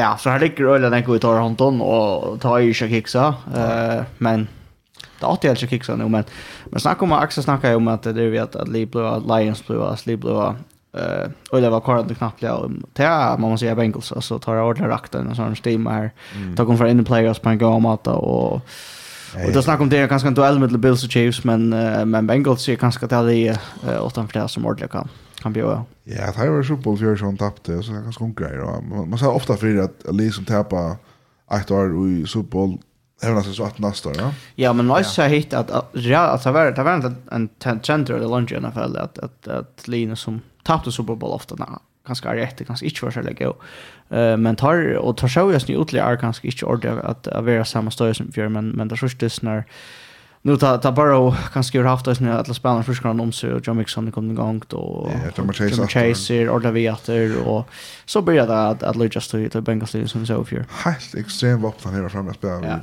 det börjar absolut. Och Eisen har vi att nu tar sig näck om fjärde han sackar så ofta så vidare. Han sa stand på det att är bara liksom minus sex, jeg var ofta säker över third downs. Om man ska ponta lika väl så det show ju säker över till George minus oss. Ja. Alltså han, han säger bara så att jag tror inte att kasta bollen veck och satsa på att han kunde sippa slå bollen runt till mig så vi gör så helt bara börja med dunk ner i stäja så. Mm. Och han häver liksom som han försvärar så utan han säkra så ofta. Mm. Han är en shit online, så det men. Ja, hon är hon är inte lika rinkar som var här, det ska ses. Och där kom fotboll för så där. Ja. Spännande värre. Nästa stund är så och har var signa Giants Lee. En extrema grej av Steven Bear Vi kör Saquon Barkley och allt och Carter Nu har spelat han igen like och så nu vi är där som mot Commanders. Här tar Henning att Lars sig ordentligt att skompa där. Så han säger.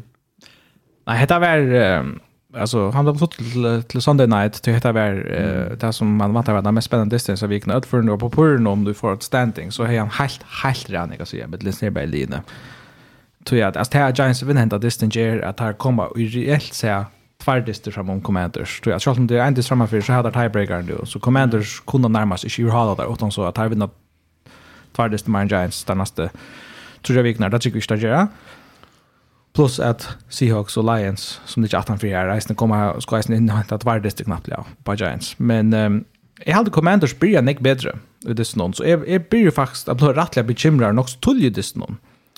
Uh, Allan första quarter, alltså Heineke där flyttar bulten väl upp av banan, men där får faktiskt bara det ena field goal det här på ett pushshooter.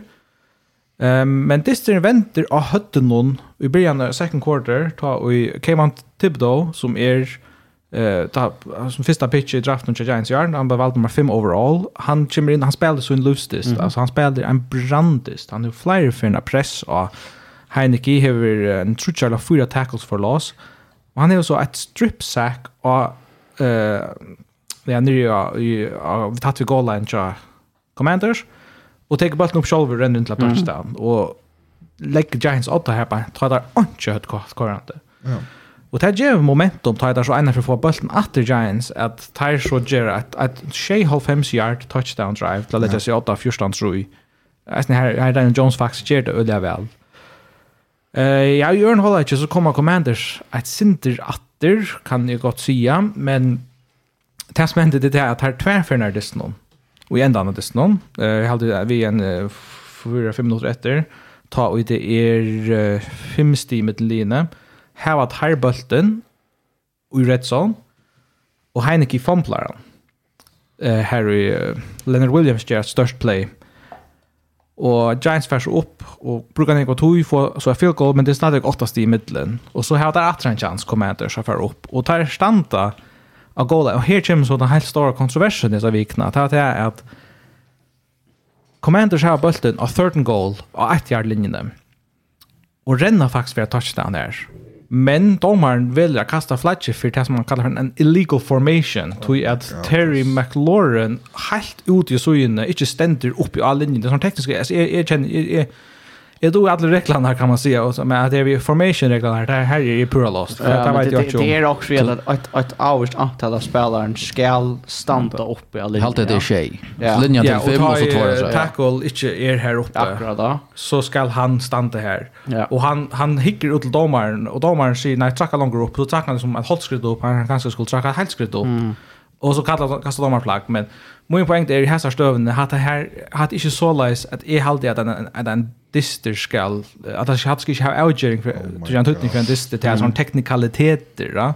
Men det står dock där så kan det renna spel veck från McLaren det session var vera i play nej. Men men det är det alltså en regel är en regel. Du måste hålla om det här är för 8 yard håll tror jag linjen eller 8 yard annars så vet ju mer så samtidigt så det är bättre Jag vet inte mer. Nej, vi tar som vi tar som gott gott bättre. Det är nästan en yard.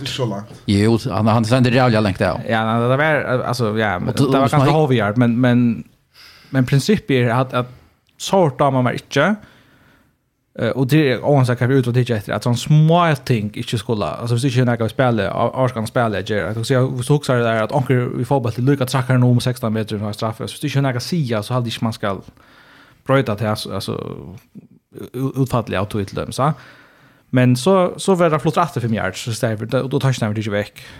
Eh, han kicksade det första kastet, och så hade han fort en 6, och så har han så här kast emot en minns receiver var, men, oh, men han, han var han var hilden av, av Darnay Holmes. Um, ja, tack, tack. Men, men, men, men, men, men, alltså Darnay Holmes helter början om han så släpper han atter och fer efter bulten då hade varit pass interference. Det, är, det kan jag gott säga. Men det var inte ett så grovt pass interference att du nöjest att kasta flagget i häsar stövande.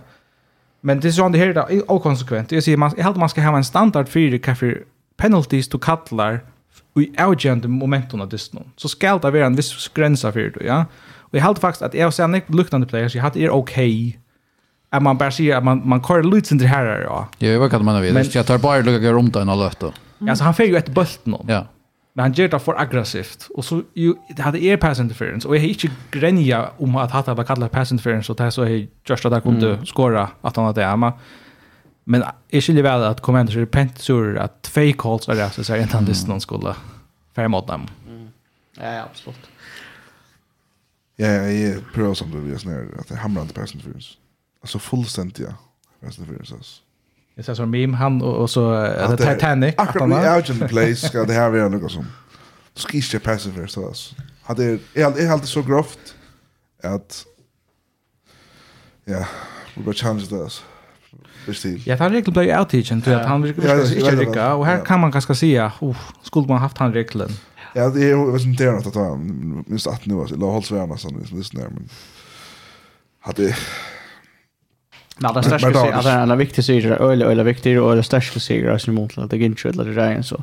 Men att man det är sitt hyrda dem där sen en sån dess hooks jag alltså kvärt visst Daniel Jones faktiskt hej och kan se vad jag kastar till. Alltså ja. Alltså du du du är alltså heter du James?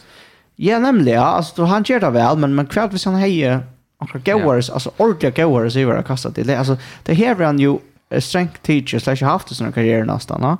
No? Uh, særlig kjørste er jo, ja, okej der er Sleitan, han hejar några brioter, han spiller noen gode dyster, men, men det er ikke han som ikke kan goldest, guld över att han står och når ikke sier han, han har han något vi nære over til oss, og så. Evan Tony. Altså, det var vanlig, det er wide receiving corp i NFL. Å, ja, ja, absolut. absolutt. Alltså særlig vi Times Gown, där så eisen i hava. Ja, ja, ja. Altså, hade är elendig wide receiver alltså som hade ett spelare som inte släpper att spela early om alltså Darius Slayton är den enaste spelaren här du kan rättfärdiga att att han är en NFL roster och han han spelar alltså signifikant då i hinner alltså där bästa receivern är Richie James och Isaiah Hodgins. Alltså där ja det manglar allvarliga ja det tror jag att det är man trade att det är Tony att det alltid var så där bukt att göra och att One Robinson så överskattar att han att göra ju bara värre så det är liksom han man vill ha i stan för Tony men Galladay har ju kicks av fullständiga men principet är alltså Dan Jones hade är utan rött i så spelar han faktiskt rättliga väl mm. och han han häver i överraskar faktiskt statistiken han häver den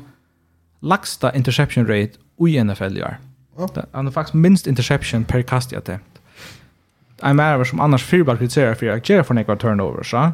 Och det här är det Brian Dayball, det finns ju gott bort ur Daniel Jones. Han spelar mer konservativt när han plattar att göra, så vi sucha färre big plays. Mm. Det är inte lika nek dyster han kastar för 300 yards. Det är, det är ofta när, ja, han säger 100-200 yards. Men fejlen kommer inte, och det viskar till att det tjänar Giants bättre, att, att man säger, man, man rönar att Daniel Jones skall ikke da et kasta for seg nek og gjør det store playene, men at kanskje jeg gjør en løte, så lå man han sin mer, og ta her han leverer, og Giants har vunnet nek hva tatta distri gjør. Det har faktisk noen tatta han tapt gjør. Men trobler som tar er kanskje sin det er vi at ta ta monas her fremover. Altså, da har jeg liksom sett opp på next nok sin til mora fremover, det er kunne jo ikke gjøre jo, altså som sier Dan Jones kan freelance sin der, og Barkley kan gjøre større plays, og hvis det er 18 men, men da er nok sin setter opp på at han mora fremover för att de ska vinna dyster. Ja, och vi vill inlevera väl med att uh, kasta dem till Saquon Barkley som han så går ut lejsen i lofta. Så just det jag till uh, Rams i motor Packers.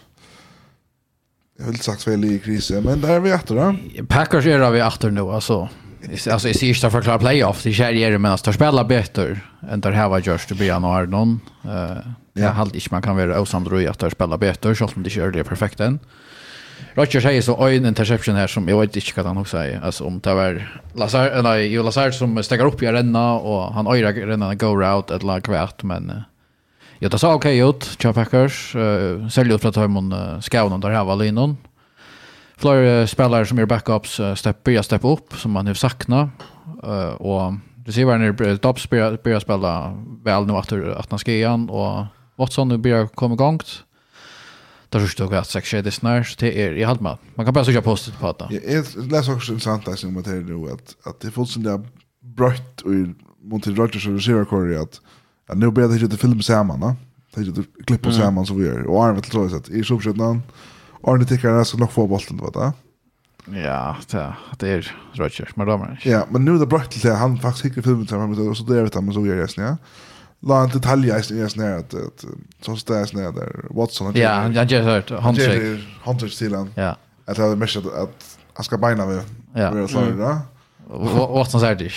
Och så flippar han sin dörr och visar sin dörr, men att han har så fländer han. Ja. Han vet att det är inte lika som mm. stötten är rutinerad som receiver. Han säger unga män som är... Om du ska alltid spela så kastar han bara till där. Och det är det som Rodgers gör så rädda inte vi. Lunch. Alltså kastar en 50-50 boll. Du sa han gör det. Du sa kasten gör det vid Jefferson. Nu ser man Lucas Watson och Jefferson. Men alltså nej nej men Ankti måste ställa på spelaren. Jag ser inte att han klarar sig lika väl men Ankti måste bara ställa på vad ska i pröva. Så kanske Jefferson skulle ofta som du gör det vid Jefferson men du måste ge den i mitten men ja han också för nöfta. Han svor Om Interception det är visst Packers ja. Och det tar så där om jag S2N och väck vid Rodgers eller så Ja, alltså till det som jag har ringt vid Rodgers är att hur mycket så ska vinna Super Bowl i en early. Det det här så det lika alltså det här är ordentligt så det finns inte hjärta och tror sig så är man hoa sig jag ska vara bara Green Bay inte personeras. Att det går hållningar hvis man är en parallell eller något annat. Nej, alltså det tror jag kör samma, men hon ska bara köra samma med nu då. Nej, nej, men det är inte här det är det. Tog är det men det tror jag ska säga att tog lägger inte så när går ju man fair. Men look at jag finns ju ett hjärta hvis han vann för tid. Så sen färd Broncos gör och då han är spelat väl i Broncos. Eh och vinner så vinner Super Bowl så jag finns inte ett hjärta men look at vi måste komma vidare ungefär och quiz nu. Så han är nog veck om kusir 2 år tycker vi. Alltså jag alltid jag helt istället men men jag helt faktiskt visst visst där bitch på där så så kan det hända. Det här var en fin chans att gå play och så där visst där vinna den Alltså där spelar man line sista det. Det kan gå visst alltså chans att vinna mot Vikings och Dolphins. Ja, ja, det är smärt. Det tittar trouble listen där. Ja, men får en chans 8%. Ja, eh i förhåll till att vi längst än avskriva där. Men det är ju gott för för alltså heter hoppa på man alltså vi då så ju med det vi att Roger Spurge spalt mer John Lowe ja. ju bara spalt. Det är som jag menar med att det blir vi. Det kan man hävra ju någon. Det det är det att nu tar man alltså ser att okej att det ber faktiskt till att jag tycker vi väl att vi klarar vinna mot Vikings. Dolphins så som den värsta distan. Och Lions borde då klara, visst vi spelar väl. Och då är det sen så som alla det här. Jag vill söka kalla dovor. Vad är det? Vad vad dovor med över till att han tas man wish you are preseason och tas lutlas man in i quarters. Det ser fint ut vi måste kanske sörsta kan vara sinters morsvinkande. Men ja, er, vi blev vi är resten resten och tog i spelat av Rodgers. Men till bättre blir han spela Lucin bättre. Tejta, tejta Rodgers som Stafford. Nej. Vad först han fick? Kanske ta. Ja, ja, vi tar så där NFL playoffs, vi tar va AFC ska nästa fram. Vi får välja, vi får hitta sin in i AFC och det som Atlan vis is nere ta var at ja nu nu ganga ganga við ganga og standings er og gus ka scenario við Jafir og kon. Og så kommer vi lukka tossa lysen om hva forvanta vi så av AFC, hver hva for henta tar vi den for koma til playoffs. Så så vi ser bare liksom vi har rams opp hva det er som vi så kjøper. Så har vi Bills som det ikke er etlig og tru. Og så har vi Chiefs eisen etlig og tru. Bills har tiebreaker til der vunnet mot Chiefs for i år. Beint 18 för här och trea så har vi Cincinnati Bengals som du är främst i divisionen, där 24. Och så, ja, AFC South, det är så Titans beint nu på 20 och 20. Men Jaguars ligger beint 18 för vid 6 och 8. Och där spelar i sista vikna och jag är emot Titans. Eh, och bägge linjerna spelar mot Texans, Arden, och så spelar Titans mot Cowboys i nästa vecka, alltså Texas vecka, Cowboys nästa vecka. Jaguars har Jets höstdagen, och så Texans. Man kan säga, där ska bara hvis det er gjerne kan han ut her på en, så vet han søstesteren jo er om divisjonstitlen. Det är så fakt. Så Jaguars vill ha tiebreakeren mot Titans, så hvis de får samma record da, så hvis Jaguars vinner en dist av Nej, nei, nei, årsaka, der skal bare ikke en dist mer enn Titans. Ja. Så får vi en av øyla interessante uh, week watch han her på en. Og det er en nekkfelt som Jaguars i playoffs enn Titans. Uh, men uh, så kommer det til wildcard-racen som eisen er rettelig interessant. Du beint nå, så ligger Ravens så her beint som nummer 5. Og ja, så det skulle, der kommer jo i, i playoffs, det skulle vi ringt at det ikke hendte. Men så utenfor så har vi Dolphins og Chargers, eller Chargers som nummer 6, og Dolphins er nummer 6, og Bay er 8 og 6. Og så 18 for nu, det er tegnene som tappte i vikskiften, Patriots og Jets, det er 6 og 6. Mm. Men uh, Dolphins møter Bay Patriots og Jets. Arne Kappingar i enda Så man kan säga, ja, och, och Chargers här, hvis man tar så här, Colts, Rams och Broncos. Så det tror jag också lätt det där. Ja, Chargers kommer playoffs. Det ska gå så vi rullar löj, så jag det är nu att han tar på dysten. Det här heter väl att de ordentligt lite av dysten, tror jag det Dolphins, eller har haft Dolphins och, och Titans för sig svikna hemma av att lära och vunnit eh boar så nu nu ligger där öle öle väl kom playoffs och så blev det spurningen om eh om AFC South som som då känner jag Axel och så är det kvart där att vinna i FC Island och Chimmer kommer Chimmer Weir. Och här ligger det så nu Dolphins så tar här var eh tar här var två hemma dyster Bay Patriots och så Packers nu hemma åt det.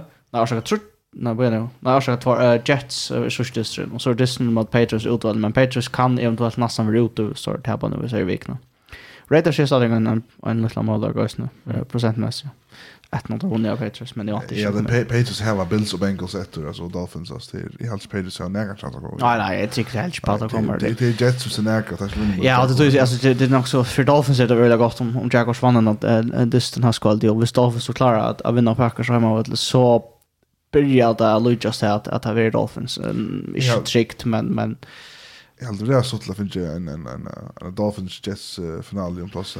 Det kan det gått ändå, ja. Och Jaguars Titans.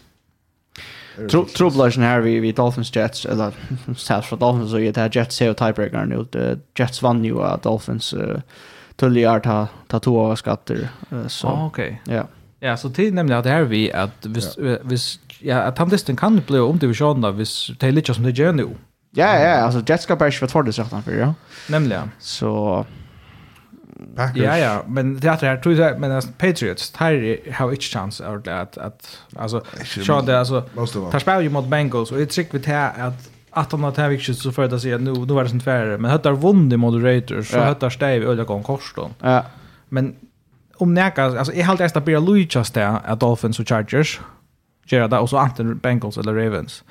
Men det är vad saknas här det starkaste linjen. Ja, men kvart vi alltså kvart är schedule så Ravens hade hade det varit där. Det är Falcons, Steelers och så Bengals utöver Ehm och det som är så spännande är bara det är att den syster i Arnon mellan Bengals och Ravens. Mm. Sannsynligvis kan vara divisionen. Ja. Så vi får alltså det så har det like week auction där vi där vi bräcka. Det är ju lugnt spännande som var för. Nej, nej, nej. Det har fullständigt kaos alltså. Ja, ja. Så men ja, det är mer om det här first seat och, och så vidare.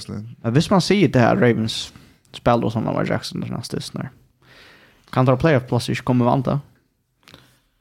Så tar procent chanser är sånt. Nej, tar är ju 85 procent. Alltså reella chanser. Alltså jag hade att skolt under tappa i sig. Skolt tappa alla dessa ja, alltså ja, det det är inte realistiskt. Så det är nog 8. Mm. Jag vet inte så James du kör där tappa där den nästa styrsten så chansen stadigt 2-3 procent eller kom players. Ja, akkurat. Alltså Så för 85 på ändå. Så där där kommer i playoffs. Spurningen är så bara om det. Så ska ja, klara där att vinna emot Sean Falcons spelar ju med med playoffs och och Steelers för alltid att spela harst mot Ravens, va?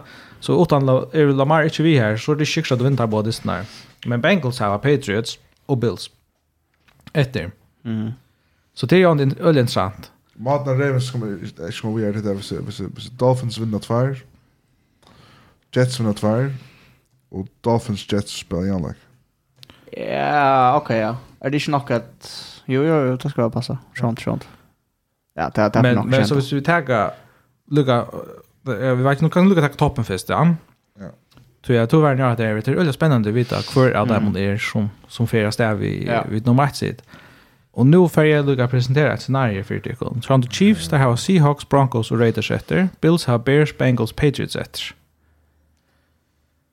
hvis Seahawks tapar ein dist av oss nere, så hava Bengals möjliga att stjäla toppsida. Ja. Hvis der vinner imot Bills och Heimavödle och i nästa vik. Ta vunnit ju av Chiefs, da. Ta vunnit mot, ja. så ta vunnit mot Chiefs og ta vunnit mot Bills. Det ser så här her tar tiebreaker mot Baunlinon. Knappligene kunde hitje efter det att Bengals vinner mot sida. Mm. Och i AFC.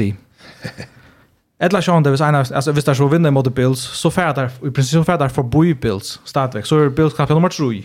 Eller så är men Chiefs vill du så har inte mer. Det är man för det tror ja men det bara inte ordentligt att tar till in skulle ju mötas i nästa omfärd. Jag vet inte du säger att det viktigaste är bara en Det är det allra allra viktigaste ja. Det är så ja ja så det men men varför först är det så viktigt att du inte möter Chiefs eller inte möter Hinbanen. Fin för namnet. Ja, Ja, ja. Det är alltså principen som ja. allt här mot Dolphins eller Det kan man gott, ja. Eller Chargers. Nej, det kan man inte. alltså. Ja. Alltså det är det största jag ser playoff pitcher där då. Där då, det är det största. Och så har vi det, ja, alltså Jaguars Titans är ju ett för när är rock vi Jaguars gör då. Och det lönar i rock faktiskt vet att han playoffs. Alltså hela visst är runt han så kör spalt. Alltså han är väldigt ölig alltså og, han allt där och och och alltså receiver där i skilje inte att släppa så av i Brown. Alltså är då inte så tjocka kat logikken. Jo, okej, det var några tänk och drapex, men det då så sorts logikken så på så är ju bra alltså kämpevapen där hade och nu är han ju en kan receiver ordla kassa till som alltså Robert Woods är där han han han startar vi kommer för att när crossfield. Ja, og så så jag vet Charlie alltså Jeg har alltid også att Jack och Cheryl är spännande ut så Jag måste säga att vi respekt för Jaguars så alltid att jag hoppas just nu. Det är ju Chase Dolphins men Men man tar så väl Leslie vi Mike White åt att det är helt svagt alltså. Är man är det är det 100 säkra eller säkra Mike White spelar nu för sånt nå. Det det jag kan säga alltså Zach Wilson har pensax spalt illa där mest sån en väl karriär. Men Jets defense är så jävla go. Lutna. Att Det var stått att de så att slaget precis efter. Men som man tänker den vinkeln vi att Chiefs kanske nummer 2, ja hur ska jag att ska nummer skeda spela mot kunde kunde som mest bench för möta i eller kvar också då som är Selin så det är handvinkeln? Jag också också att det var Tyre Kill som åt till Arrowhead och alltså Jag vet inte, men tror jag ser Jets starkt. Jag vill inte spela mot Mahomes, men alltså också där få att det är... Hvis Dolphins att ha Chiefs secondary att spela mot där. Vi helt du vill ha Jets vi är Ja, doff. Ja, nej alltså det är nämligen så vet att så vet att de skjuter allt ganska. Ja. Och där vinner man Holmes knock men men så lure mig om om om Hill och Watt får en three touchdown sammanlagt och där är en en olja underhållande dyster då. Men Snittest. Jag har ju synte förnämmelse alltså men men är alltså jag tycker Packers den super Petra att att han inte Dolphins det så är så Packers det är alltid så här match Dolphins alltså Packers man skal omgående i avskriva packar så läsa då i någon skolt om det nere i Miami och allt det där så är jag sånt mest är mest bekymrad för för Packers system som kommer nu. Och syns det Dolphins har tappat tror jag det så där. Men vi ska vinna han så är jag nog säker på att Dolphins för 15 eller så att sitt. Detta får ta får där. Det är liksom.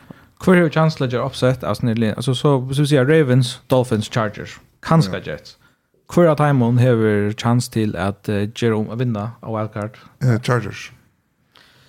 Ja, och så och så jag ser Ravens står hämta nummer 5, va? Så för att han nog ejsne att vinna emot Jaguars eller att det står halt i. Men men ja. Men alltså och då som till Chargers alltså. Keenan Allen kom efter. Ja. Och det är en kämpe månad. Ja. All in alltså och han ger plats till alla.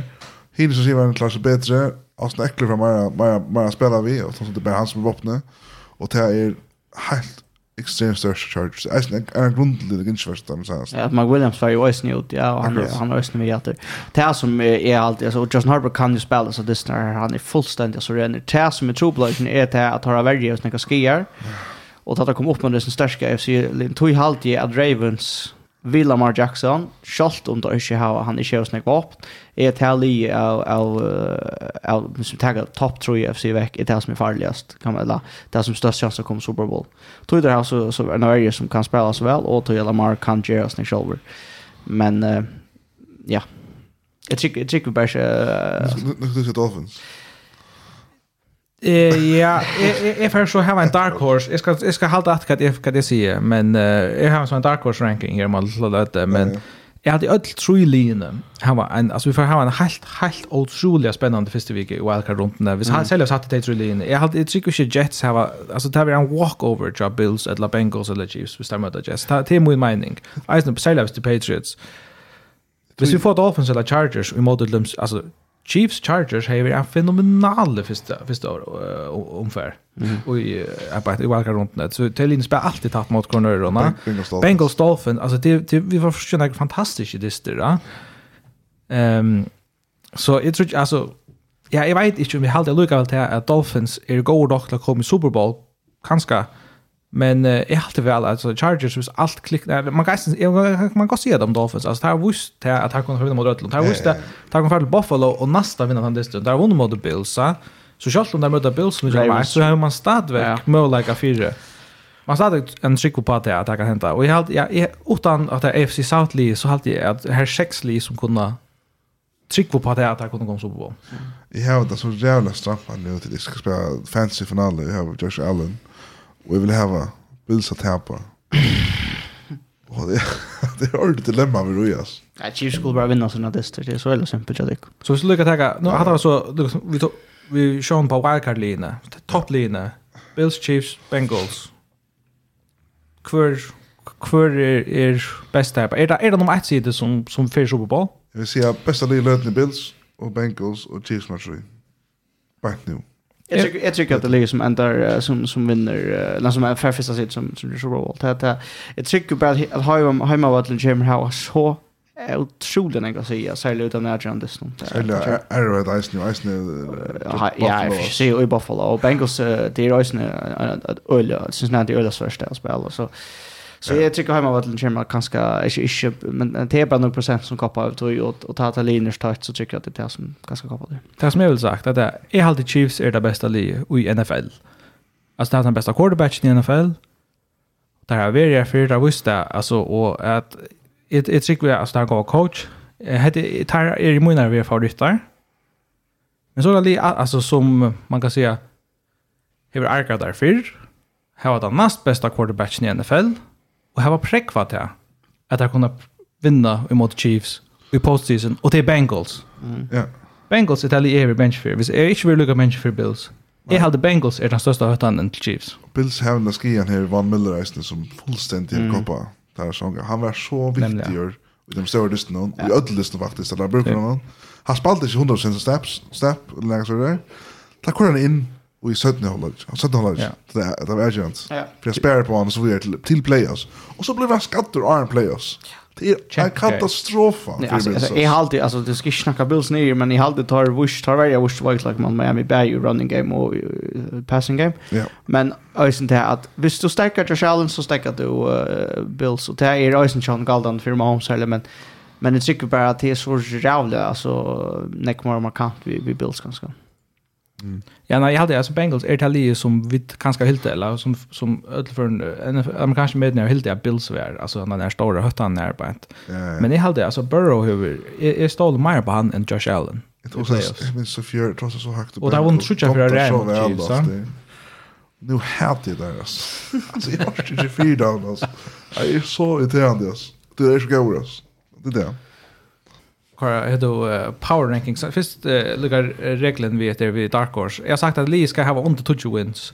Så ta er nog Lee ute till Bills, Chiefs, Bengals, Eagles, Vikings, 49ers och Cowboys. Så, så att det är favoritlinjer ute. Så kan man säga att han nästa kvar är så det fem störskaste linjer i NFL. Så nu får jag säga som gött med Aaron. Nu kommer power Ranking.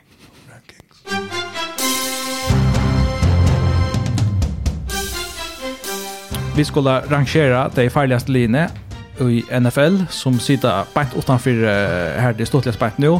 Är för kvar av femte plats till Lie som är till hetaste Lie i NFL. Det är Detroit Lions. Ja. Ja, nummer 5 plats. Det har vunnit 6 och de sista shades och Jared Goff är flickvan det heter. Är har inte vilja möttes när Lie någon bänt nu i i, i, i NFC playoffs.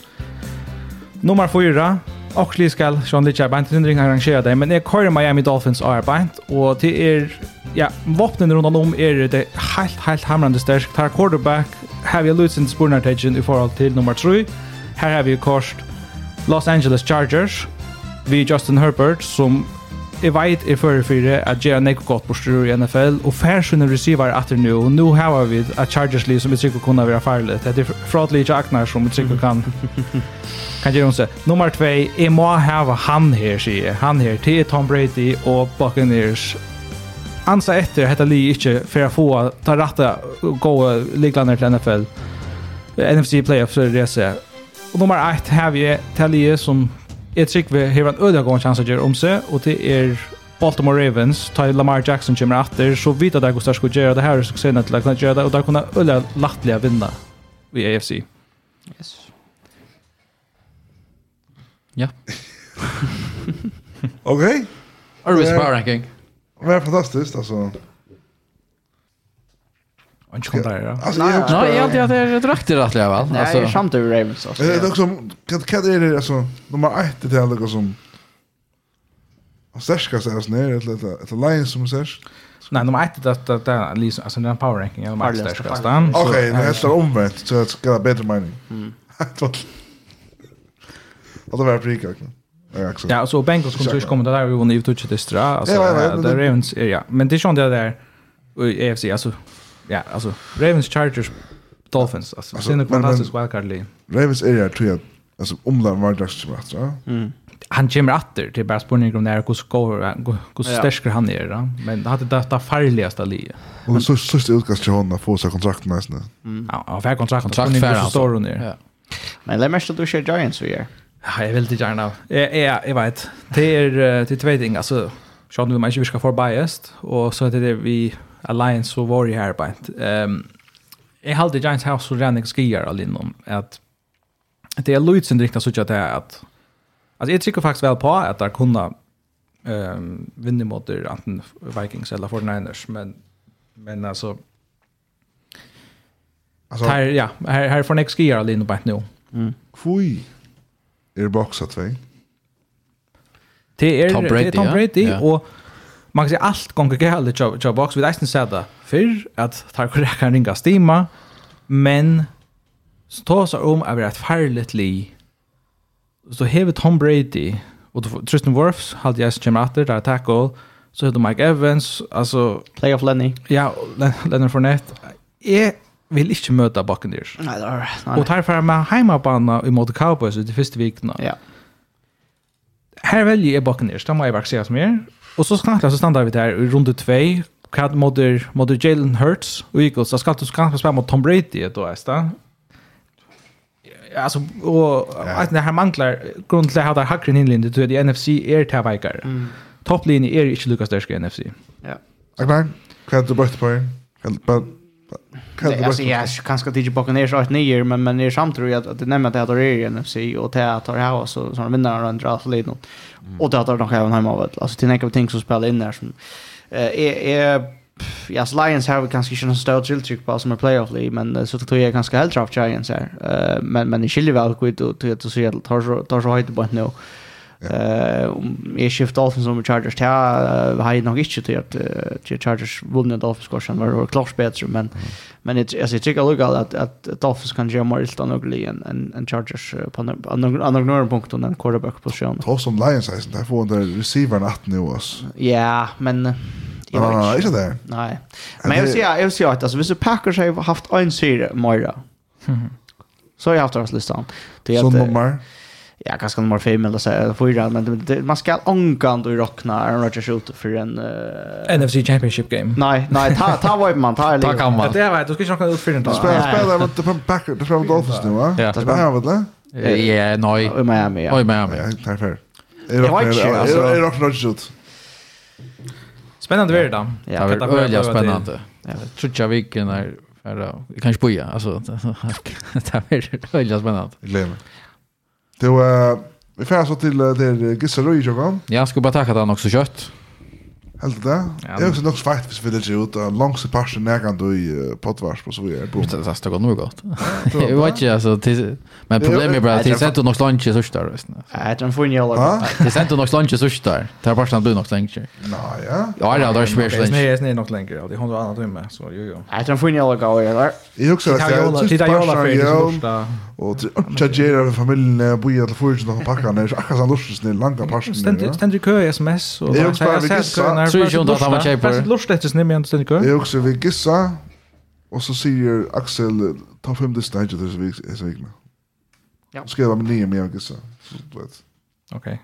Jo. fint. Det är ett annat? Ja, det är fint. Och så är det Tordis nu då som nästa för. Nej, tvärtom slags syra han rakte. Ja. Giants Commanders, primetime to tutjar dyster, var ordla spännande. Och så helst det sådär. Ja, det är segmentet för tar, tar som Axel helt och tar faktiskt Word som är spännande. Okej, ja, ja, ja. Men jag går inte där Giants och Washington, men ja. Vi får ha visst någon det är så Trevor Lawrence i motor en Mike White kanske. Ett land en Sauce Gardner.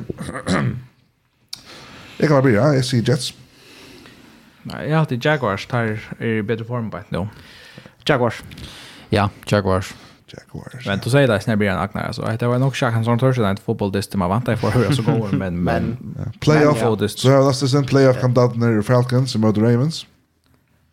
Är åh det är rätt det är vi Tyler Huntley spel än nej jag halt inte att Falcons är seriöst NFL alltså så. De gått vidare dett in i playoffs, men nej, jag ska så göra den. Där vi Ravens. Ja, Ravens har hemma varit klara att knäcka honom hem. Jag vill säga hvis uh, Lamar inte spelar så säger Falcons. Ja, jag hoppas att jag inte får bruka Lamar. Helt helt spelar vi kanske att har vi bruk för säkert någon gång. Och att eh uh, när Rutter så bara att uh, jag ser spelar för sig att det där underdogs. Men jag Falcons vinner Disney snart Ravens Jag har inte ser det faktiskt. Ja, och ta klart att jag ska skora Stevie backup quarterback. Så är Stevie Huntley i så vikna. Jag tycker så där. Lions mot Panthers. Lions.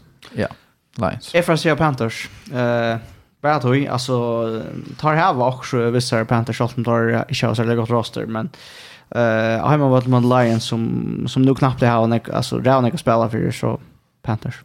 Det är player kontra där som Panthers. Ja, det är det. Ja. Inte han. Ja. Ja, jag säger Lions. Ja, jag säger Lions. Ja, Så etter Bills mot Bears. Her vil jeg bare si Bills. Her var det, ja. Hold trus til. Tvei. Kolla du det? Tvei. På safety.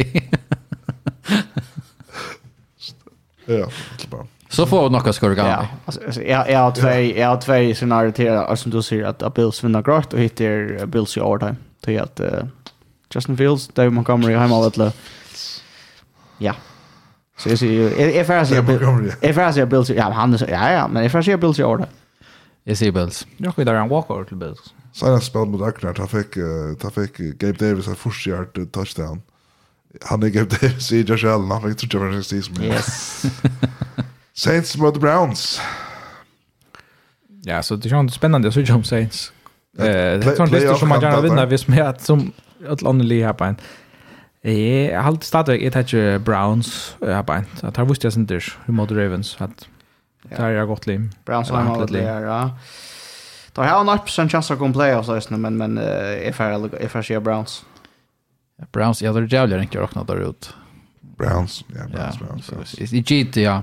Jeg har ikke tippet på Watson siden han kom inn, men det er jo alltid det er. Ja, så er det Andrew Eaton møter Pete Carroll, og jeg sier bare Chiefs vinner, så det er her, vet du. Alltså Seahawks spelar så för Kappingar så här full är sin grej. Alltså då tog inte skrivan vägen. Att kan det leva 6 och 2 halv del också. Alltså där där var det helt väl fyra. Men uh, därför är inte lära att vinna den distans. Så hetta ver kan också sin här i Kappingar så där för allvar. Overtime. En en där ganska sin dish. Alltså är realistiskt. Ja. Ja. Chiefs 2 plus. Ja. Chiefs och jag vinner den distans. 2 plus. Men Seahawks tar det rösten i hand så man vet ja, Chiefs han kan spela för det första året så där. Han också tvattlas. Ja, ja. Att han hade lite position Texans. Giants Vikings. Alltså ja. Du säger att uh, Giants kunde sagt hans vinna mot Vikings mm, så de kommer börja visa det nu. Är sant. Det här var ett playoff scenario vi tog så gott nog om men nu kunde börja visa det. Jag tror det är realistiskt playoff scenario ja. Jag tycker väl att Giants klarar den disten. Jag är rädd att tippa kvar ska vinna alltså. Eh vant jag att det var Giants. Mm. Vikings vi en. Ja, så visst jag slugga ehm som en en homer där jag ser att det tycker Giants tar vinna tror jag att alltså distance som Vikings score jag knappt han var för twice alltså han tar han tar nästan out där kan man säga och Ja, jag vet inte. Jag tycker att, att Giants har ganska det momentum till lycka. Överraskad där. Alltså, tar här många spelare för Justin Giants. Det, det, ska man, det ska man inte glömma. Ja. Ska jag minnas, ska jag glömma att Vikings och 49ers än faktiskt lika kappas som nummer två sitt Jo, jo, jo, det Men, men ja, Giants, ja. jo, jo, helt sikkert. Så var det Tyler Haneke mot um, Brock Purdy. Ja. Peter? Ja, nu måste jag väcka, jag vet. Ja, Commanders. Ja, här, ja. Oops, det är precis. Ja, det tar jag också ett. uh, här trycker vi upp på um, for Niners. Mr. Irrelevant. Ja, men det skärmar vad men men uh, tre, alltså lure mission commander jet att lämna rätt han det så tar tar uh, tar här och som kan tar här några vapen och offense och tar ha allt att spela för men uh, men Och där kan ganska inte det nå det, James Disney. Ja ja, men men annars klarar jag knäcka då.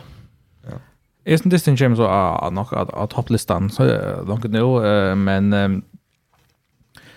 det är ju alltså Commanders har välja sälja framför, ja, tar, tar pass rusher, kunna göra distance rublan för Brock Purdy. Mm. Ja. Så det är nog spänt på, men det är för taget för den så Och Allt som vi faktiskt inte har som om vi Commanders, som uh, han själv, vänjaren, han säger, till att han kunde faktiskt finna på att skifta quarterback. Vi har ja. att. Ta sig han, jag uppfordrar och gör presskonferens i veckan. Det är en roligt alls. Att han bara vill se det var skatt. Kanske var han kan faktiskt komma in. Cheer. Tack. Kom. Bengals Patriots. Bengals. Ja. Ja. Ja. Här är Burrows, ja. Om Cincinnati. Bengals. Nej, det var det var Bengals. Texans Titans. Og sista vike så jokar jag vi att jeg held at Texans får ikke arbeid liot The Chiefs, men hesa veckorna så gerar det där. Der har vi for gode de siste tver vikene. Jeg tar ikke deg mot Titans. Jeg kan være eisen si av Texans. Og det kommer grunn til at her, at Sarens har spalt i møter Derrick Henry, så rusher Derrick Henry hadde 130 yards i første halvdagen. Det var første kvart, vet jeg. 142 yards. Og at han åt det, så fikk han nesten ikke. Det er støkker i rønnen til noen, det er her våpnet, Han släpper för den här skidigastesten där. Så Texas vinner det. Är inte mot Titans att uh, där kan ju hävas av sjuk stats. Att han jo, jo, vet jag. Fyra, fyra, fem, fem dyster. Han har ju en uh, fyra touchdown touchdowns. Nej, 200 yards, fyra touchdown touchdowns då. Ja. Nej, jag ser att alltså Titans kunde uh, Texas gälla tatt och ni visar Levis Stanley spelar men uh, men Titans vinner det. Ja, är nästan samt dörr. Uh, jag vill säga att han har varit tatt, men jag tycker på Texans. Nu färrar jag att klara det. Jag har alltid tippat Texans. Det var en just jag har Alltså, okej. Okay. Texans, det här var inte pysch tackamar, det är rättast. Ja, det är det här som är. Nu kunde de vinna. Ja, ja, nu kunde de gått alltså. Bimbar, det gör den. Det gör nog också, nu är det alltså, press är faktiskt för en av dem, det är bra, ta vid att det är vanligt. Yes, det är först riktigt, nu kommer vi den list, så nu är det. Ja, okej, okej, fair enough. Så är det Eagles och Cowboys, större listan. Ja, det är... Jag hade inte distan hela näka ordentligt att säga. Jag var hade borde vara en sån ordentlig god distan, men tingen har bara spalt sig ut så nu att, att alltså, bara lite fastlast i nummer 1 och nummer 5 sidan. Inte för att undsäga dysten, men... Spurning er sånn som Jalen Hurts atter. Jeg tenker, jeg vant det, egentlig oansett, jeg Cowboys faktisk vinner mot Dyrkos. Alltså jag tycker att den öliga och distrikt efter särskilt hvis Jalen Hurts är klar. Och jag tycker hvis Jalen Hurts är klar så vinner Eagles, hvis han inte är klar så vinner Cowboys. Ja, bra samt tror Cowboys. Raiders Steelers. Tandisen, man kan inte efter... Faktisk ikke det listen. Alltså Cowboys har akkurat tappt mot Jaguars. Här det var framme för kvart. Vi säger inte. Och där tappade mot Där Monte tappade Monte tappade Texans på en där. Och så skulle de vinna mot Eagles som vann 13 nästa. Ja, jag tar för en paus så vidare. Okej. Ja, fair nok. Säger du Raiders Steelers? Ja. Ja, är dock vi är där Minshew lika night och kommer in och och Mecca Parsons säkert inte för. Ja, ett la han spelar så rent som han gjorde en två Jaguars alltså. Att han är kanske då alltså nu nu nu säger han att han kanske inte vinner Super Bowl. Åtta Jalen Hurts men Men det kan vara att han han vill den nog inte folk ska karta mig. Får inte det. Alltså han har ett för så renare så jag kastar till. Nick Vold spelar mot Charles. Åtta skottar. Ja, åtta skottar det klarar efter förresten. Som är man ska inte undervärda. Usch. Raiders Steelers. Jag har inte kan picka till matchen nu va. Jag tycker inte lika mycket att spela quarterback så jag tror det skulle gå. Kom on, man så rena kan det Men man kan inte att du vantar Raiders vinner inte stället. Nej, nej, nej, men men nu alltså men jag vantar att Steelers vinner han för Franco Harris hemma mot Lejon. Eh men han har väl stått det. Ja, men han har väl en alltså Raiders spelar för att ta här så det en liten chans och tar för att spela för något land som det här. Kan det picket Bears? Ja. Nej, det är Steelers. Ja. Det hade just nu. Det är Raiders. Raiders, Raiders, ja. Jag hoppas att Steelers vinner och Derek Carr gråter och mascara där och näst. Uh, Packers Dolphins. Packers. Jag syns också hette söndag faktiskt. Att vi får tror jag det är söndag. Ja, så det som i hela veckan fick vi tror jag det är läger där och så har fullt omfär söndag så var det sånt omvänt hela veckan men Så första jag där så näst isen har chans ständ så det är ju en populär mer hemma i hos någon i vikskiftet. Ja, nej, jag har väl jag knäter vi vi kan ha sagt att det för sig jag det är en dyster som vi vill inte rejecta så Men uh, det är stort att att att vi ja nu hittar scheman alltså vi har åtta lag som är winning record av sin sex och som spelar för sig allt och det är Miami Dolphins. Eh och i det som är klockan uh, har gått och kör på spel så GD känner på på listan så där. Vad så Broncos och Rams är sen för ju som som svalde nej tack så. Alltså Broncos och Rams tandisten och någon men han kan vara tandisten. Ja vi tar kan men är Dolphins. Så jag aldrig Dolphins så tar han hem av det. Men eh är trick för att det blir extremt tattest. Är det också då för som när Twitter här väl. Men det är en ordentlig orla godester och är nog så spänt på så alltså vis Packers skulle vinna hända dysten, så får han se det nästa vecka och se ja. Kunna då. Det kan vara därför att det kommer. Jag tänkte att bara en en sig och ja. Ja. Men nej, jag tror nog vi att att att Dolphins tar vinna på ett. Ja, jag hade Dolphins borde vinna, men det får se Packers. Så jätt. Ja, fjärpar. Så har vi Broncos Rams så löper man bara. Ja, alltså jag vill säga att kanske för the gent en lista läsa nu är störst skuffelse jag har. Hette kanske tejpa Berlin som jag underpresterar mest i månaden kan man vanta. Jag ser sälja Rams som så på matchen men alltså Broncos skulle lägga nu skulle det ordliga kom playoffs efter och Ross Wilson men Det är två lag som sammanlagt har vunnit åtta dyster och tappt och tappt 20. Jag är äntligen korsgrupp kappa linjen. Det tror du inte på det Alltså alltså Berlin. Det är rätt nattrig. Boom. Alltså spelar det grand fjärdsten. Spelar Berlin vi backar på det. Ja. Ja, Russell Wilson han måste spela ja. Ja. Halvtid. Det är så färre, visst Russell så färre ser Broncos alltså. Broncos. Hur inte. Ja. Hur inte. det? Jag säger Rams. Latavius Murray. Ice Rams. Latavius Murray. Ordla pricket till det offensivt. Nej, men det kan vara det är viktigt det för mig. Det är rätt för han inne så. Ja, ja. Erdal til rett og sikre. Heldigvis. Uh, Buccaneers, Cardinals. Det blir natt av dysteren. Ja, han vinner Buccaneers. Ja, det var øya vinner. Ja, helt sikkert. Annars er det helt galt. Helt, helt galt. McSurley, han har fyrir raskar. Det er Buccaneers. Så her har vi tatt spennende dysteren. Vi har Ongan annan Justin Herbert, så har vi Austin Eckler i møter Nick Foles. Ska man säga ska man säga Ska man säga Colts Colson för Alec och Chargers för Alec eller shit också kan kan man det. Ja. Man tippar det säkert. Nej, alltså Nick Foles kan gå och spela för innan det men men Justin Herbert och Austin Eckler men Nick Foles och Zach Moss. Alltså här är en dyster som Chargers ska skakar finna på att att tappa men men det var alltså ett trick för inte på att göra det lugnt så så är färdigt på Chargers. Chargers som vad det. Ja, Chargers. Så vet ni. Det går nästan till Pittman i möter Kim Nellen matchup jag är men Alltså senast vi såg Nick Foles spela att han inte är inte näka spelst här i i Bears alltså det där kom allt i tyckte jag det. Jag touch Chargers. Men vad ska nu är det några time till man. Jag hade lite trätt. Ta fem listor här Axel till fem ordla kötter. Ja, ta listor hur där så viktigt. Improvisera ta fem listor. Är allt den mest avvärd listor som alltså det tycker som är den bästa listor där vi Packers Dolphins han Uh, Jag vet att som här kan komma in på spel här på så nummer 2 Commanders 49ers på sin Jervis mata där vi nog inte high flying uh, trusty som jag skojar det någon men han blir spännande och han är redan jag ser för playoffs. Ehm um, ett trick vet jag att Giants Vikings det är en kan vara ahoverter och men ja, jag kan kan som var fyra så nummer 3 Jaguars Jets.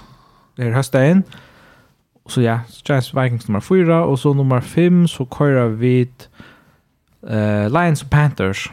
Två lag som uh, endelig i playoff-boblene. Men, men ja. Men her er det det. ehm Tacka för så vi på hart alltså. Och vi vill åter uh, från det jag mig Lily Old herfra. Lily Old. Ja. Vi tar rast efter nästa vecka. Ja, det. Allt det, ja. Sjukt. Ja, precis.